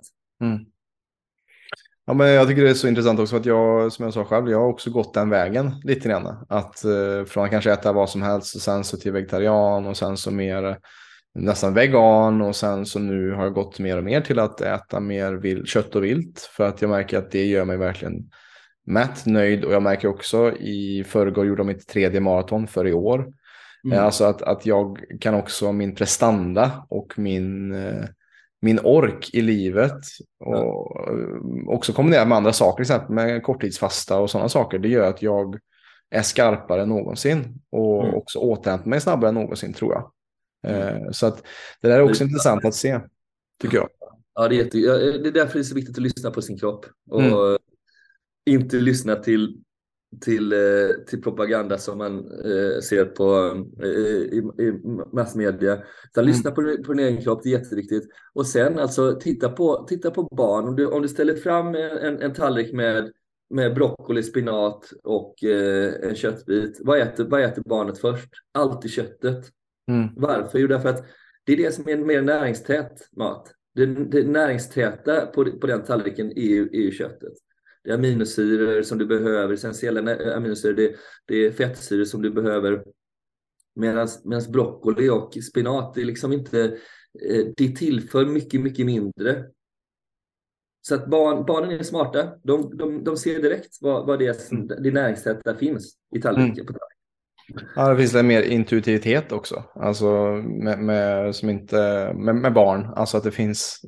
Alltså, våra barn är smartare än vi tror, tror jag. många, många stunder. Och du vet ju det själv. Du har ju små, två små barn nu också. Så att uh, du ser säkert två äldre och två yngre. Ja, mm. ja visst, men så, så är det. Och eh, eh, det intuitiva där är jätteviktigt. Att, att faktiskt eh, se vad är det de, vad är det de uppfattar som, som godast ja, men det, det är faktiskt eh, kött eh, och inte det gröna då. Mm. Och sen lägger du upp lite, som jag gör mer och mer, eh, skär upp lite mango, lite äpple och lägger på tallriken och det, det är jättegott. Själv så gör jag mer och mer det, både för mig och för min familj. En, mm. en god köttbit, gärna en klick smör på det och eh, sen gör en god sallad. Och den goda salladen för mig, den är egentligen, eh, den är egentligen frukt. Och sen så mm. lite flinkkallt och lite vinäger och olivolja på det. Det är fantastiskt. Mm. Och eh, mer och mer så eh, faktiskt eh, utesluter jag eh, det grönsalladen. Och mm. det är i princip en fruktsallad men med vinäger, olivolja och salt på. Mm. Det tycker jag är det godaste. Jag tycker det är så intressant att höra det perspektivet. Uh, för att jag själv går ju mer och mer åt det hållet som, du säger. Men ibland kan jag tänka bara, men shit, nu har jag inga grönsaker. Nu har jag inget sådär, att jag kan tänka så ibland att jag har för lite grönsaker. För att man, det, det ligger så djupt rotat i att men det måste man ju ha. Det ska man ha. Mm. Grönsaker är nyttigaste som finns. Ja. Det är någonting man har fått höra också. Att ja, men du måste äta en grönsak, du måste äta en spenat för att bli stark. Det uh, behöver man inte. Det behöver man inte. Och, och när man gör sådana här jämförelser mellan spenat och en köttbit eh, vad gäller järninnehåll då.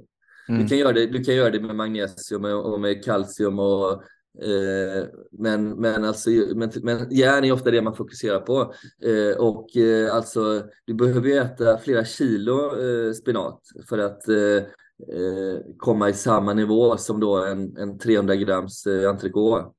Mm. Eh, mm. För att få samma. Och dessutom så är det här hemjärnet då som, som, eh, som köttbiten har. Det, det har du ju inte i, i, i spenaten, vilket gör att det du, alltså bioavailability, biotillgängligheten heter det på mm. svenska, mm. den är ju mycket högre då på, på järn eh, vad gäller köttbiten. Just det.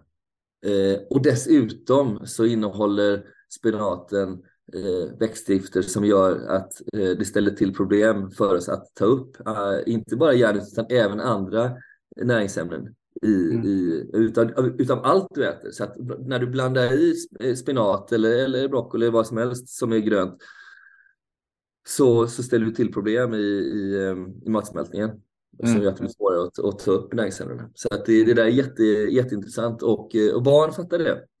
Mm. De äter köttbiten eller de äter räkorna innan de äter grönsakerna. Mm. Ja, intressant. Och, och, jag är också nyfiken såklart på det, det arbetar du också med din eh, stiftelse, den här uh, the, the Gustafsson Health Foundation mot uh, barnfetma ja. som du har. Och, och vad, vad, är det du vill lämna för avtryck med det jobbet du gör för, för världen? Ja, så här är det.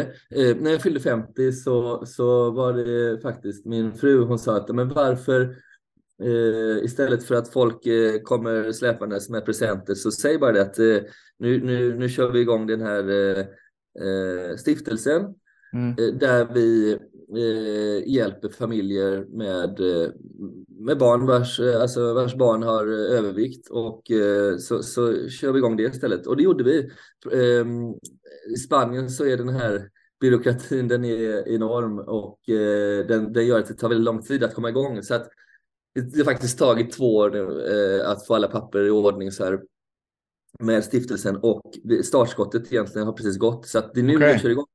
Eh, och vad vi ska göra här då är att vi hjälper eh, tre, fyra familjer under tre, fyra månader att eh, hitta rätt eh, eh, vad barnen, framförallt då handlar det om, om kost, kostrådgivning. Därför att Många föräldrar tror att de gör barnen en tjänst när de ger, en frukost, ger dem en frukost som består av juicer, eh, sockrade yoghurtar, eh, sockrade flingor. Um, alltså det handlar om att hitta rätt helt enkelt och att eh, få föräldrarna att inse att det de ger barnen eh, jag säger frukost därför att det ofta där det börjar gå snett på dagen. Mm. Eh, det, det, det, är det som jag vill, vill hjälpa till med och eh, det som vi sa innan att eh, visst, det är lite dyrare men det behöver inte vara så mycket dyrare. Och, och, och att hjälpa föräldrar att faktiskt förstå att det de ger barnen idag, det, det, de gör de barnen en stor otjänst faktiskt med, med eh, att, att, att de får så fel kost. Och, ja. och de inte ens vet om att, att de får en fel kost. Mm. Så det är det som jag vill, vill hjälpa eh, till med och jag drar mitt strå till, till stacken helt enkelt. Mm. Det är ett stort arbete att göra för att det behövs ju. Ja. ja, det behövs och det är därför som jag säger att det, är tre, fyra familjer, det, det, det låter inte eh, speciellt mycket, men jag hoppas att via då sociala medier också kunna sprida eh, kunskap. Eh, hoppas jag att eh, kunna nå ut till många fler. Eh, men det är i alla fall, det är, det är en bra början. Eh, så jag kommer arbeta med eh, eh, ett par eh, dietister också och, att, och, och, och göra detta på ett sätt som faktiskt får genomslag och får då de här föräldrarna att förstå att oj, vi har, vi har faktiskt, eh, det finns mycket som vi kan göra bättre mm. än, än, vad vi har gjort. Och eh, alltså i, i Spanien så, eh, vi, vi börjar i Madrid och för att kunna göra de här mötena då med familjerna ehm, Eh, Eh, faktiskt eh, här eh, och, och, mötas öga mot öga. Sen kan vi säkert eh, göra det större och för Spanien och eh, växa i Europa. Det skulle jag jättegärna vilja. Men vi börjar här och jag tror så här att om man, om man för att problemet då är att i, spansk tv så ser man ju reklam för att man ska dricka motsvarigheten till O'boy då på morgonen. Mm. Som, är, som, är, över 70% socker i det här pulvret. Eh, och, och, man säljer in det som att ja, men ge dina barn energi på morgonen, det är väldigt viktigt. Mm. Eh, men även alltså eh, juice, eh, fruktjuicer, apelsinjuice framför allt då, som är en sockerbomb. Det är ju eh, Eh, det är också någonting som föräldrar har på något sätt eh, eh trott att ja, men man ger dem solmogna apelsiner då som har pressats till en juice. Eh, ja, men det är bra att äta eh, apelsinen som sådan, men att pressa fyra eh, i genomsnitt fyra apelsiner för att få ett glas juice, det är, inte, det är faktiskt inte bra. Därför att du, och då får man förklara varför och, och i det fallet då så, så är det ändå så att eh, det är lätt att överdosera mängden socker helt mm. enkelt. Mm. När, när, du, när du pressar, eh, när du gör juice utav frukt så, så är det så att du, du tar bort fibrerna och så gör du det väldigt, eh, sockret blir så lättåtkomligt. Va? Så att, ja. att äta fyra apelsiner på morgonen, det gör du inte. Nej. Det är inte chans. men, att, men att eh, slänga i sig ett glas apelsinjuice, det går så fort och det går så lätt och sen så får du den här eh, sockerkicken som ja. en och en halv timme senare blir Eh, då kraschar du. Och då vill du ha mer saker. Eh, mm. Och du vill ha mer av någonting som, eh, som, som oftast blir i Spanien så blir det någon typ av, det kanske blir kakor eller kanske blir bullar. Det kan bli potatischips.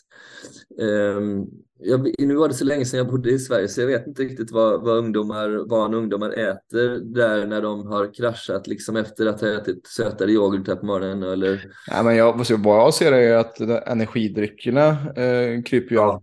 längre ner i dryckerna, eller i, i åldrarna som också är så hemskt att se just eh, ja. alla de olika som finns och att, att ja. istället för att folk dricker vatten så dricker folk kaffe och energidryck istället för att orka med och förstår inte att det är saker som kan bränna ut ditt nervsystem på, på lång sikt. Liksom. Ja, nej, det är helt sjukt. Då har du för, förutom att du har socker eller sötningsmedel så har du dessutom eh, tillsatt koffein och mm. andra eh, stimulerande substanser och, eh, ja, nej, och som gör att du sover sämre. Och jag, jag har förstått att i Sverige så är det ett stort problem idag att uh, ungdomar sover så dåligt och då, mm. då får du, då får du uh, sömnmedel och så ja, Ja, det, det är helt, där är helt på väg åt fel håll. Och mm. att, de här, att de här energidryckerna, jag undrar om inte, var inte de förbjudna? Eh, Red Bull var förbjudet på, i Sverige på, när det kom tror jag. Okay. Jag tror att det var förbjudet. Vissa ställen av EU i alla fall så var Red Bull förbjudet till en början och sen så tog man bort det förbudet såklart. Mm, ja. och, och, idag är det ett stort problem, verkligen. Yeah. Absolut. Men i alla fall, ja, men, alltså, det, det är det som jag vill göra med min, med min stiftelse och eh, hjälpa föräldrar att förstå att, eh, vad som är eh, bra eh, att äta på morgonen. Mm. Det kan, alltså, eh, för mig då, så jag brukar göra eh, lite scrambled eggs till mina barn med mycket smör i, mycket gräsbetat smör och, så, och lite frukt till det. Skär upp Eh, en apelsin, skär upp en, eh, en mango eller papaya. Så här, det, de, de, de älskar det och du, du har ju energi under många timmar mm. Eh, med en sån frukost. Så är det bara. Att, att få liksom protein och fett eh, på morgonen och, eh, och även lite nyttiga nyttiga frukter. Det är, ju, det, är, det är en fantastisk frukost. Själv så äter jag ingen frukost. Jag har inte gjort de senaste 6-7 åren. Jag mm. brukar ta en eh, kopp te med med klick smör i. Mm. Klick smör, klick eh, oliv, eh, nej förlåt, eh, kokosolja. Ja. Eh, det tycker jag är suveränt eh, som en frukost. Eh, koffeinfritt eh, te, någon typ av eh, örtte. Mm. Och vissa frukostar, eller vissa månader så äter jag ingen, dricker ingenting överhuvudtaget. Och mm. kör bara helt fasta. Ja men det låter, det låter också ungefär som jag gör också. Nu, nu är klockan, för de som lyssnar så är klockan 11 på dagen och jag har inte ätit någonting än heller, bara druckit vatten. Och, och det märker jag också att jag mår bra på att äta en till två gånger per dag kanske. Eh. Kanske två till tre ibland. Och det, det är väldigt intressant att se att man klarar sig så mycket längre och att det blir en jämnare hunger. Det är, det är inte så här en, en vrålskrikande hunger. Och när jag väl äter så äter jag ganska mycket och då står jag mig 5-6 timmar. Liksom. Eh, så mm det är också det som är intressant när man, eh, för att många, det är det som vi märker också, att, att det finns också den här fettfobin och just mättat fett också. Ehm, så till exempel om du nämner smör, många bara, men det är ju mättat fett, men det, det märker jag också att ju mer jag ätit också just som du är, till exempel då, scrambled eggs med mycket smör, står jag mig bra på det och jag mår väldigt bra i min kropp också. Det är framförallt det som är är viktigt. Fram tills för eh, bara hundra år sedan så eh, mättade fetter var i princip det vi åt. Ja, eh, och så de här fleromättade fetterna som, eh, som vi fick fram genom att eh, då framställa fröoljor. Det är någonting som har kommit de senaste 80 åren framför allt. Mm. Så att vi är egentligen gjorda för att äta mättade fetter. Mm. Så är det bara. Och eh, det tror jag inte någon kan säga emot. Eh, och att det skulle på något sätt vara, vara, vara dåligt för oss att äta smör eller talg eller eh, animaliska fetter. Det är liksom bara, det, så, är, så är det verkligen inte. Mm. Ja, men jag, tycker, jag tycker det är intressant när du säger att, att eh, just de här industriella fröoljorna har kommit de sista ja, men 80 åren, kanske 70-80 åren. Och det, jag vet det finns någon bild som jag delade någon gång på Facebook där det var en, en bild på en strand i USA 1950 jämfört med 2020. Mm. Liksom, att mm. Någonting här har ju skett. Någonting har kommit in i livsmedelsindustrin och vad vi äter och konsumerar som gör att eh, vi mår inte bra. Det, det ja. syns ju verkligen. Nej. Och samma är det i Sverige. Alltså att vi har ju mer än 50 procent i överviktiga i Sverige idag.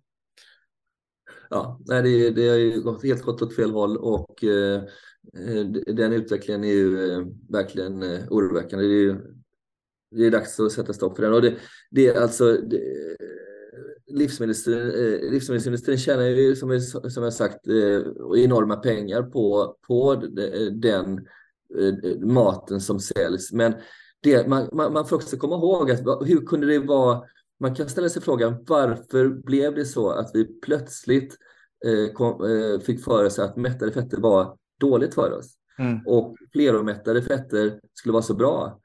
Eh, och det där är ju liksom, det är lite det, det, är faktiskt lite svårt att förstå varför det blev så. Det finns ju vissa teorier. Det var ju någon eh, rysk vetenskapsman som, som eh, gjorde eh, några experiment på, jag tror det var 20-talet. Som han, jag vet inte om du har hört det, men han matade ju kaniner eh, med, eh, jag tror det var kaniner eller marsvin, med eh, äggula. Ja, men det har jag hört. Ja, det är ja. också samma med kolesterol. Eh, Exakt, så att han, matade, han matade då eh, kaninerna med äggula och eh, såg att oj, de fick ju, eh, de blev ju åderförkalkade. Kolesterolet mm. fast, eh, det blir ju alltså plack i, i, i blodåderna eh, då och mm. drog slutsatsen att det är samma sak för människan. Problemet med det var ju att Eh, kaniner är ju växtätare. Ja. Och de, ska ju inte äta eh, animalisk föda. Mm. Eh, och, och människan är ju, vi är omnivor och vi ska ju äta både och då. Mm. Men, och, och, sen så var det Ansel Keys på, på 50-talet som gjorde någonting liknande och han det var ju forskarfusk där han tog länder där man konsumerade Eh, mättade fetter eh, och där man inte gjorde det. Och eh, problemet bara var att han plockade bort de länderna där, där, det, där det inte blev den, den korrelationen som han var ute efter. Mm. Så att han, han plockade ut sex, sju, åtta länder som, där det faktiskt var så att det, att det, resultatet blev det som han ville ha helt enkelt. Mm. Och, och jag tror, men för det, det fanns ju de forskarna som, som samtidigt hävdade motsatsen då, att mättade fetter visst var någonting som vi faktiskt mådde bra av och behövde. Eh, men de fick ju inte samma eh, genomslag i media, eh, utan media vill ju då påeldade av lobbyorganisationer för, för livsmedelsindustrin vill ju såklart att vi skulle, vi skulle förstå att mättade fetter var någonting som vi inte skulle äta. Mm. Och eh, rädslan för kolesterol. Och kolesterol är ju någonting som vi eh, är uppbyggda av. Mm. Kolesterol är ju eh, vår hjärna, våra, våra, våra celler. All, vi har ju kolesterol i varenda cell. Hjälper oss också med inflammationen. Ja. Mm. Ja, ja. Så, och våra, så, så, vår kropp är ju uppbyggd av, av kolesterol. Och att mm. vi plötsligt då skulle bli rädda för kolesterol. Och det var ju eh, någonting som passade livsmedelsindustrin väldigt väl. Mm. Därför att då kan man ju sälja eh, fröoljor eh, eh, som aldrig förr. Mm. Och, eh, och den maten då som vi, som vi faktiskt gick ifrån, eh, smör eh, vill ju inte längre folk eh, ha, utan man skulle ju äta smörsubstitut, det vill säga margarin istället. Mm. Att, ehm, eh, så allt det där hänger ihop och återigen så är det ju pengar som driver. Pengar mm. för det, de ekonomiska drivkrafterna är ju starka. Mm. Ja, det, det är ju det som eh, vi vill försöka ändra på också med att ha sådana här konversationer där man också eh, kan lyssna på andra, andra teorier och andra, mm, ja, men andra sätt att se på saker än vad vi kanske har fått höra från andra källor. Eh, och jag tror det är viktigt också, precis det som du gör här också, att försöka förändra nu, för det är det som är vår, min vision med den här podden är att förändra Sveriges syn på hälsa och det är kul att höra att du börjar ju med att förändra Spaniens syn på hälsa. Där du bor nu med din, din stiftelse och tänker ja men jag kanske bara gör ett par familjer men det är så saker startar. Att starta någonstans med att utbilda och att eh, hjälpa människor att hitta rätt och hitta tillbaka, att lyssna på sin egen kropp bättre och se vad, mm. vad mår jag bra av. Ja. Och det här är en ganska stor fråga egentligen till dig Niklas. Men, men vad tror du vi kan göra för att förändra synen på hur vi äter och därigenom vår syn på hälsa i stort i Sverige och i världen? Jag tror att det som du gör eh, Robin eh, med din podd, det är ju det är det det handlar om. Att faktiskt eh, sprida information. Mm. Sprida information om hur gör vi för att må så bra som möjligt? Och eh, eh, så, som vi sa innan att eh, alla känner vi någon som har blivit sjuk i någon av eh, de här sjukdomarna som är så vanliga idag. Cancer, hjärt och kärlsjukdomar, diabetes eh, och även Alzheimer. Och, eh, så att, att vi faktiskt, den här väckarklockan, att eh, vi, vi måste göra någonting. Vi måste, vi måste stoppa den här trenden eh, där så många lever med ohälsa. Och att det som du gör då med, med din podd, eh, det, det är så viktigt. Det är så viktigt att sprida kunskapen och jag kan säga att där är någonting som ändå man får se att eh, med, med, med sociala medier eh, som det ser ut idag, det är lättare att sprida faktiskt information idag än vad det var för, för 20, 30, 40 år sedan. Det är ju det. Mm. mm. Därför att på den tiden när jag var yngre så fanns det ju så få eh, nyhetskanaler. Och idag det, ser det annorlunda ut. Och, och, det är det som jag tycker att det är, det är så fantastiskt, den möjligheten vi har att sprida eh, det budskapet som vi, som vi vill sprida. Mm. Så, så jag ser ändå positivt på det. Jag är optimist eh, vad, vad, vad gäller det. Att eh, vi, vi har kommit till en punkt där många är sjuka, många lever med ohälsa, men vi har möjlighet att vända detta. Och det är det vi håller på att göra tror jag. Jag, jag, jag känner det i alla fall. Att vi ja, är rätt väg. Likväl som att du hade celiaki när du var yngre, så, så ja. eller att du har det fortfarande såklart. Alltså att det skapar ju en grogrund för en större nyfikenhet och att bli din egen detektiv lite grann. Och jag tror att ju fler, ju, ju fler ju folk som lever i smärta och i, i ohållbara situationer, desto mer kommer det ju skapa en nyfikenhet och hunger efter förändring. Precis mm. som din bok heter. Mm. Eh, eller det som mycket det jag jobbar med eh, bottnar sig i. Att, att vara nyfiken på, men det måste, livet måste finnas, måste finnas mer än detta. Oavsett om det är hur jag äter eller vad jag har för mening och syfte eller, mm. eller vad jag vill skapa i världen. Så tror jag att eh, smärtan är ju alltid en, en go- grogrund för att uh, gå ett steg längre än vad man kanske gjort om man varit bekväm. Jo, det, visst är det det. Jag, jag, jag hoppas bara att fler inte nöjde sig med eh, att faktiskt gå omkring med eh, den här ohälsan. Alltså jag tror att många på något sätt har vant sig vid den. Mm. Eh, som jag sa innan, det kan vara eksem, det kan vara hosta, det kan vara lite rosslig i halsen och det kan vara lite övervikt och, och, och, så tycker de att ja, men det är så jag är. Men det behöver inte vara så. Du kan Nej. ändra det. Du kan faktiskt må lite bättre genom att Kanske då ta bort gluten i din kost. Kanske skippa eh, dåliga oljor. Eh, och kanske, varför inte hoppa över den här dåliga processade maten och, och faktiskt bli, va, investera lite tid mm. i att, att, att laga maten själv några dagar i veckan. Du behöver inte göra allting på en gång för det är svårt att, att göra stora eh, förändringar alla på en gång, men man kan börja lite grann och, och följa några på eh, kanske som, som visar recept hur, man, hur lätt man kan göra det på, på eh, Instagram eller på TikTok eller vad, vilken kanal man nu föredrar. Mm. Men faktiskt att göra små förändringar i livet. Eh, det, det tycker jag, alltså jag skulle nog uppmuntra folk att göra det. Det är det som jag gör på mina, i mina kanaler då. Mm. Faktiskt att visa, visa hur lätt det är att slänga ihop en granola eh, Eh, som inte innehåller eh, 40 socker utan, och, inte, som inte, och som är glutenfri.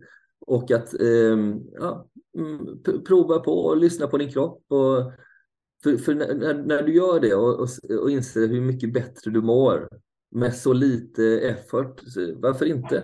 Ja, precis. Det behöver inte vara så svårt egentligen, men det är, det är lätt att vi, vi gör det svårare än vad det är. Det är inte svårt, men, men alltså um, Alltså, livet handlar ju mycket om prioriteringar och att faktiskt prioritera bort kanske, du behöver inte se på Netflix eller HBO varje kväll, du kan, du kan kanske, eller i alla fall inte i en och en halv timme, du kan ta lite av den tiden och faktiskt experimentera lite med någonting nytt i, köket som du inte har gjort mm. innan eller du kanske aldrig har experimenterat i köket så kanske det är dags att börja. Mm. Varför, varför, varför inte liksom att prioritera det mer och ja, Nej, det, det är så, alltså, fast food, eh, jag brukar säga ägg, eh, en omelett är det bästa fast food som finns. Liksom. Ja. Kläcka, kläcka ett par ägg och slänga i pannan med en klick smör. Klart på, på en och en halv minut. Liksom. Det, jag tror att många har någon typ av blockering. Att det, ah, men jag är inte bra på att laga mat, jag kan inte laga mat. Eh, prova liksom. Prova för mm. inte. Ja. Våga. Våga. Mm. Mm. Eh, men, men vad är det du ägnar mestadels av din tid på dygnet till när det gäller, vad, vad är det du jobbar främst med idag? Jag skulle säga så här att min tid är eh, uppdelad eh, i, två. dels det jag gör då i, i när jag har skrivit mina böcker och jobbar med i, i, sociala medier. Men det jag jobbar med vid sidan av det här, det är ju eh, mitt företag Naturally. Och eh, som vi startade med min, min spanska delägare för fem år sedan. Och man kan säga att det har ju alltså, det kommer också faktiskt utifrån min, min glutenintolerans. Där, som Naturally då, vi gör ju livsmedel som är naturliga, ehm, glutenfria, Eh, inga tillsatser och eh, den första produkten vi tog fram var, det var en granola faktiskt. Och eh, eh, det kom så att säga utifrån att jag inte hittade vad jag letade efter. Det vill säga en grain-free granola. Och det där är någonting som är eh, i USA är det faktiskt, eh, jag tycker att åtminstone i Kalifornien alla vet vad det är för någonting. Men, men en glutenfri granola eh, som de flesta äter på, på, till frukost då, Eh, men som inte bara är glutenfri utan som också är spannmålsfri. Mm. Det vill mhm. säga eh, inget, inget havre. Eh, de flesta granolas på marknaden är ju havre och socker, det är ju basen så att säga, det är grunden. Men om man gör då en granola som är naturligt glutenfri, då blir det ju så att man oftast använder nötter och mandlar, fröer och torkad frukt. Eh, och så det var det vi, vi, gjorde då. Vi tog fram tre stycken olika smaker och eh, eh, det var så vi började. Och, och sedan så har vi, idag har vi 50 produkter på, på, i, vårt, i vår katalog. Mm. Och då är det alltså, förutom granola så har vi eh, choklad. Eh, vi har eh, olika typer av nut butters och en Nutella som är fantastisk ehm, och eh, ja, eh, olika typer av eh, kan man säga, chokladprodukter som, som i, i det segmentet. Och sedan så har vi ostsnacks. Vi, vi har, som är fantastisk om man tycker om keto-kost. Vi har kale chips. Och, ehm, och chokladen till exempel, det som gör den unik är att den inte är sötad med med eh, socker såklart, men inte heller faktiskt som andra är det inga sötningsmedel ehm, utan det är cikoriarot. Och mm. cikoriaroten är ju Ehm, alltså någonting som är, det, har kommit mer och mer, men det är fortfarande ganska okänt. Så det ser ut som en maskros men, men en blå blomma och roten från, från den här växten då, det är den som vi, som vi sötar med. Såväl våra chokladprodukter som, eh, som vår Nutella. Mm -hmm. Och Nutellan är ju, den är alltså enastående. Det är vår, mest, bäst, vår bästsäljare är det faktiskt idag. Jag tänker mig. Den är, därför att det finns liknande, eh, alltså kakao, hasselnöts krämer då eh, på marknaden, men de flesta har dadlar eh, eller, eller liknande då frukt, eh, på något sätt söta med frukt och det gör att de smaken blir inte lika bra om jag får säga det själv. Den är, den är faktiskt fantastisk och den har 43 procent eh, hasselnöt så att det är väldigt högt jämfört med Nutella som har 12 då.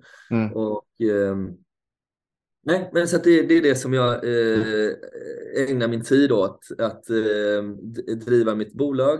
Eh, vi är 20 anställda idag, finns, vi säljer i Spanien.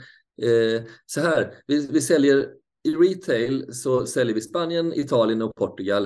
Eh, men sen finns vi på Amazon ehm, i resten av Europa. Vi finns faktiskt i Sverige också, men Amazon i Sverige eh, har inte riktigt kommit igång nu skulle jag säga. Så att, vi säljer ju väldigt lite i Sverige. Men, men om man vill så kan man hitta Naturalist-produkter eh, i Sverige. Jag, jag, ska faktiskt, det är någonting som står på min to-do-list att försöka hitta någon som kan distribuera våra produkter i Sverige. Därför att, ja, jag, skulle, jag skulle nog säga att Eh, vissa av produkterna, till exempel bars då, eh, som är gjorda med dadlar och frukt och, och mandel, Eh, där är konkurrensen eh, stor och eh, där, det är ingen produkt som, som är speciellt unik, eh, åtminstone inte i Sverige. Sverige har kommit väldigt långt där och svenskar är ju väldigt medvetna eh, mm. och det finns ju Ehm, eh, René Voltaire till exempel som har liknande produkter. Eh, eh, men eh, sen har vi andra, andra produkter som, som vår choklad, som vår Nutella, Eh, och som vår granola också skulle jag säga, som är mer unika som jag tror att marknaden skulle vara eh, faktiskt eh, öppen för. Så, så, de produkterna skulle funka väldigt bra i Sverige tror jag. Ja, men det tror jag absolut. Och är det någon som lyssnar som kanske håller på med återförsäljning av eh, sådana här produkter så är det ju bara Då får ni jättegärna höra av sig.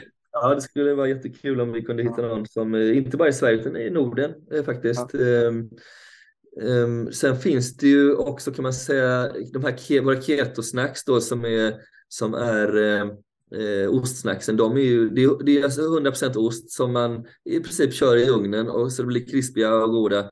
Och de slänger ner den på sig. De är, det är fantastiskt snack uh, för, för de som vill ha då uh, low carb. I det här fallet no carb för att det är ju bara protein och, och fett faktiskt. Mm. Eh, de, det, det är en fantastisk eh, snack. Och sen har vi andra eh, produkter i vår pipeline som kakor till exempel. Kakor som är sötade med, också med sekoriarot. Mm. Inget, inget socker och inget, inget då självklart mjöl, spannmål, ingen, ingen spannmål alls där.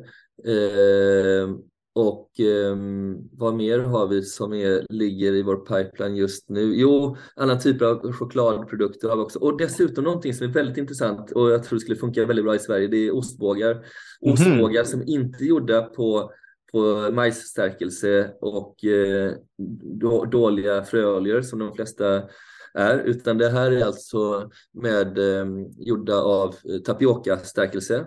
Mm tapioca som är en rot då, och, ehm, och med ehm, eh, olja som eh, kokosolja.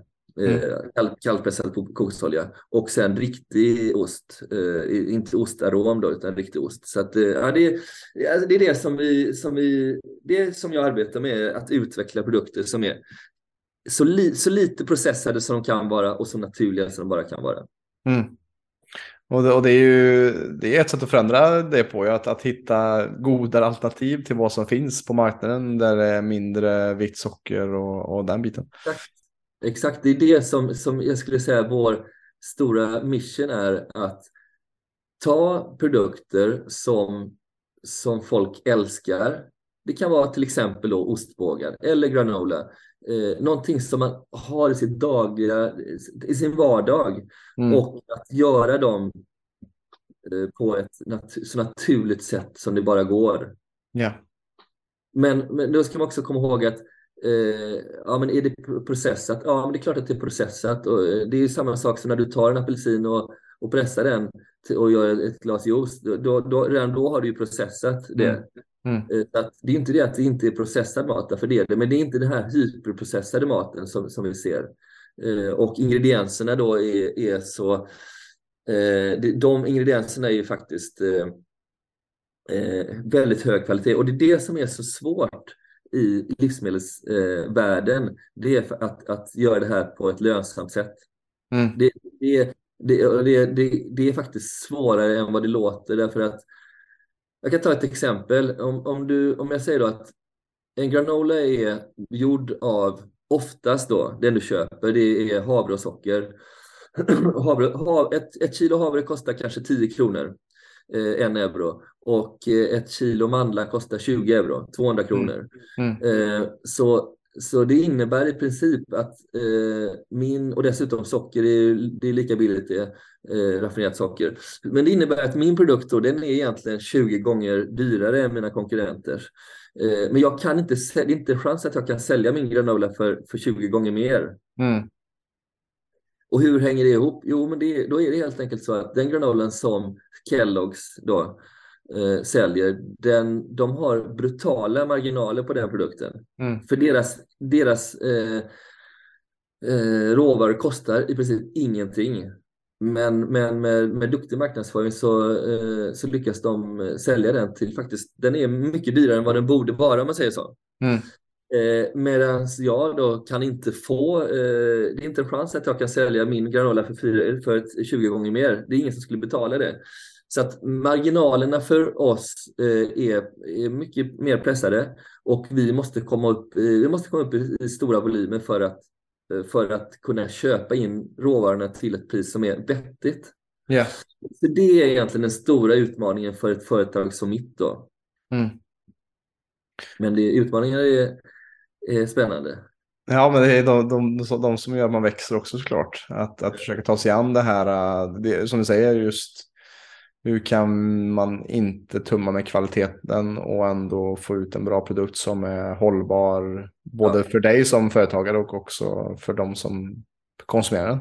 Jo, och det där, det där är jättesvårt och att tumma på kvaliteten. Alltså jag kan ju göra en granola som kostar eh, som kostar 40-50 gånger mer än den granolan som, som köps i butiken. Och genom, hur gör jag då? Jo, men då hackar jag ner några deciliter pinjenötter. Och pinjenötter, mm. du vet, det, mm. det är svindyrt. Mm. så att, eh, att göra produkter som, som kostar mycket, det är inte svårt. Nej. Och, och ska du dessutom ha ekologiska pinjenötter, ja men då kanske du dubblar det priset en gång till då. Mm. Så att, ehm, eh, nej, det är inte så svårt att göra dyr mat. Nej, nej, precis, precis. Ja, men det, är ju en, eh, intressant utmaning som du har med, med det jobbet på Naturally, att, att skapa, skapa det framåt och, och, och utveckla det och hoppas att kunna se dem på svenska hyllor inom en uh, snar framtid. Det har varit jättekul ju. Ja, nej, det hoppas vi verkligen. Nej, det, det, det är så kul och i och med att mat eh, länge har varit min eh, passion i livet så är det så kul att eh, faktiskt de senaste fem åren att, att ha kunnat jobba med det. Det är ett privilegium måste jag säga. Mm. Och eh, Ja, vi, vi, vi växer jättemycket. I år faktiskt har vi kommit in i Portugal. Eh, förra året kom vi in i, i, Italien och Italien just nu är vår eh, snabbast växande marknad. Italienare faktiskt mer än, ännu mer än spanjorer eh, skulle jag säga förstår sig på eh, den här typen av mat som vi säljer. Det, okay. är intressant. Ja, ja. Det, det, mer än spanjorer. Span mm. Spanien är ju eh, både Spanien och Italien eh, är ju länder där man är privilegierad med fina råvaror. Ja, just det. Eh, alltså allt från kött och fisk och, och grönsaker och frukt. Det är ju verkligen lätt att hitta. Eh, mm. Ja, det är lätt att hitta god mat här helt enkelt. Det är ju det. Mm. Mm. Så att, eh, och, och, italienare av någon anledning vad gäller eh, ekologiskt, naturligt, de är lite mer nyfikna och intresserade eh, på, på den här typen av produkter. Ja, absolut. Och jag hade gärna velat prata med dig mer Niklas, men min tid är tyvärr slut här för idag. Men, men Naturally och eh, det du jobbar med, kan du säga lite snabbt innan vi rundar av, vart hittar vi dig för de som vill också veta mer och hitta din Instagram och det du jobbar med? Okej, okay. på Instagram finns jag ju på eh, Niklas Gustafsson med F och ett S. Um, och, men jag finns ju på, på Twitter, jag finns på Youtube. Men där jag är mest aktiv själv och svarar på, på frågor och kommentarer, det är, på, det är framförallt på Instagram. TikTok mm. växer väldigt mycket, men mm. där, är ju, där är bara videos. Och, eh, he, hela mitt material så att säga finns ju eh, på, på eh, mest komplett så att säga på, på Instagram. Just det. Och sen så vill, vill man eh, eh, mejla till mig så finns jag på niklas.naturally.com. Um, ja, Grymt. där finns jag. Där finns han. Och, det, och jag kan varmt rekommendera att bara följa på Instagram för att det har gett mig väldigt mycket att bara se ditt tankesätt och just informativt eh, och enkelt. Eh, enkelt ja. liksom att ta till sig. Så att det, fortsätt med det du gör för det är grymt och behövs verkligen. Vad glad jag blir att du säger det. Ja. Eh, jättekul att höra. Ja. Och så checka in Niklas på de medierna som han har sagt. Jag kommer att skriva det i beskrivningen av det här avsnittet. Och har det som för mig eh, varit intressant. Jag tycker det varit jätteintressant att bara prata med Niklas. Och jag tror att många har säkert fått med sig mycket från det här avsnittet. Så för all del, dela med dig av det här avsnittet så att vi med stadig, rask takt kan förändra Sveriges syn på hälsa. Tack! Stort tack för att du har lyssnat på detta avsnittet av PLC-podden. Om du som lyssnare är intresserad av att få bättre balans på din kropp och hälsa så kan du gå in på www.plclub.se. Där kan du göra en gratis hälsoundersökning och läsa mer om hur vi hjälper människor på ett holistiskt sätt att skapa mer energi, få igång förbränningen och minska värk. Alltså www.plclub.se. Vi finns även på Instagram, YouTube, Spotify Spotify och Facebook at Premium Lifestyle Club om du vill ta del av mer gratis material. Stort tack för din tid här med oss.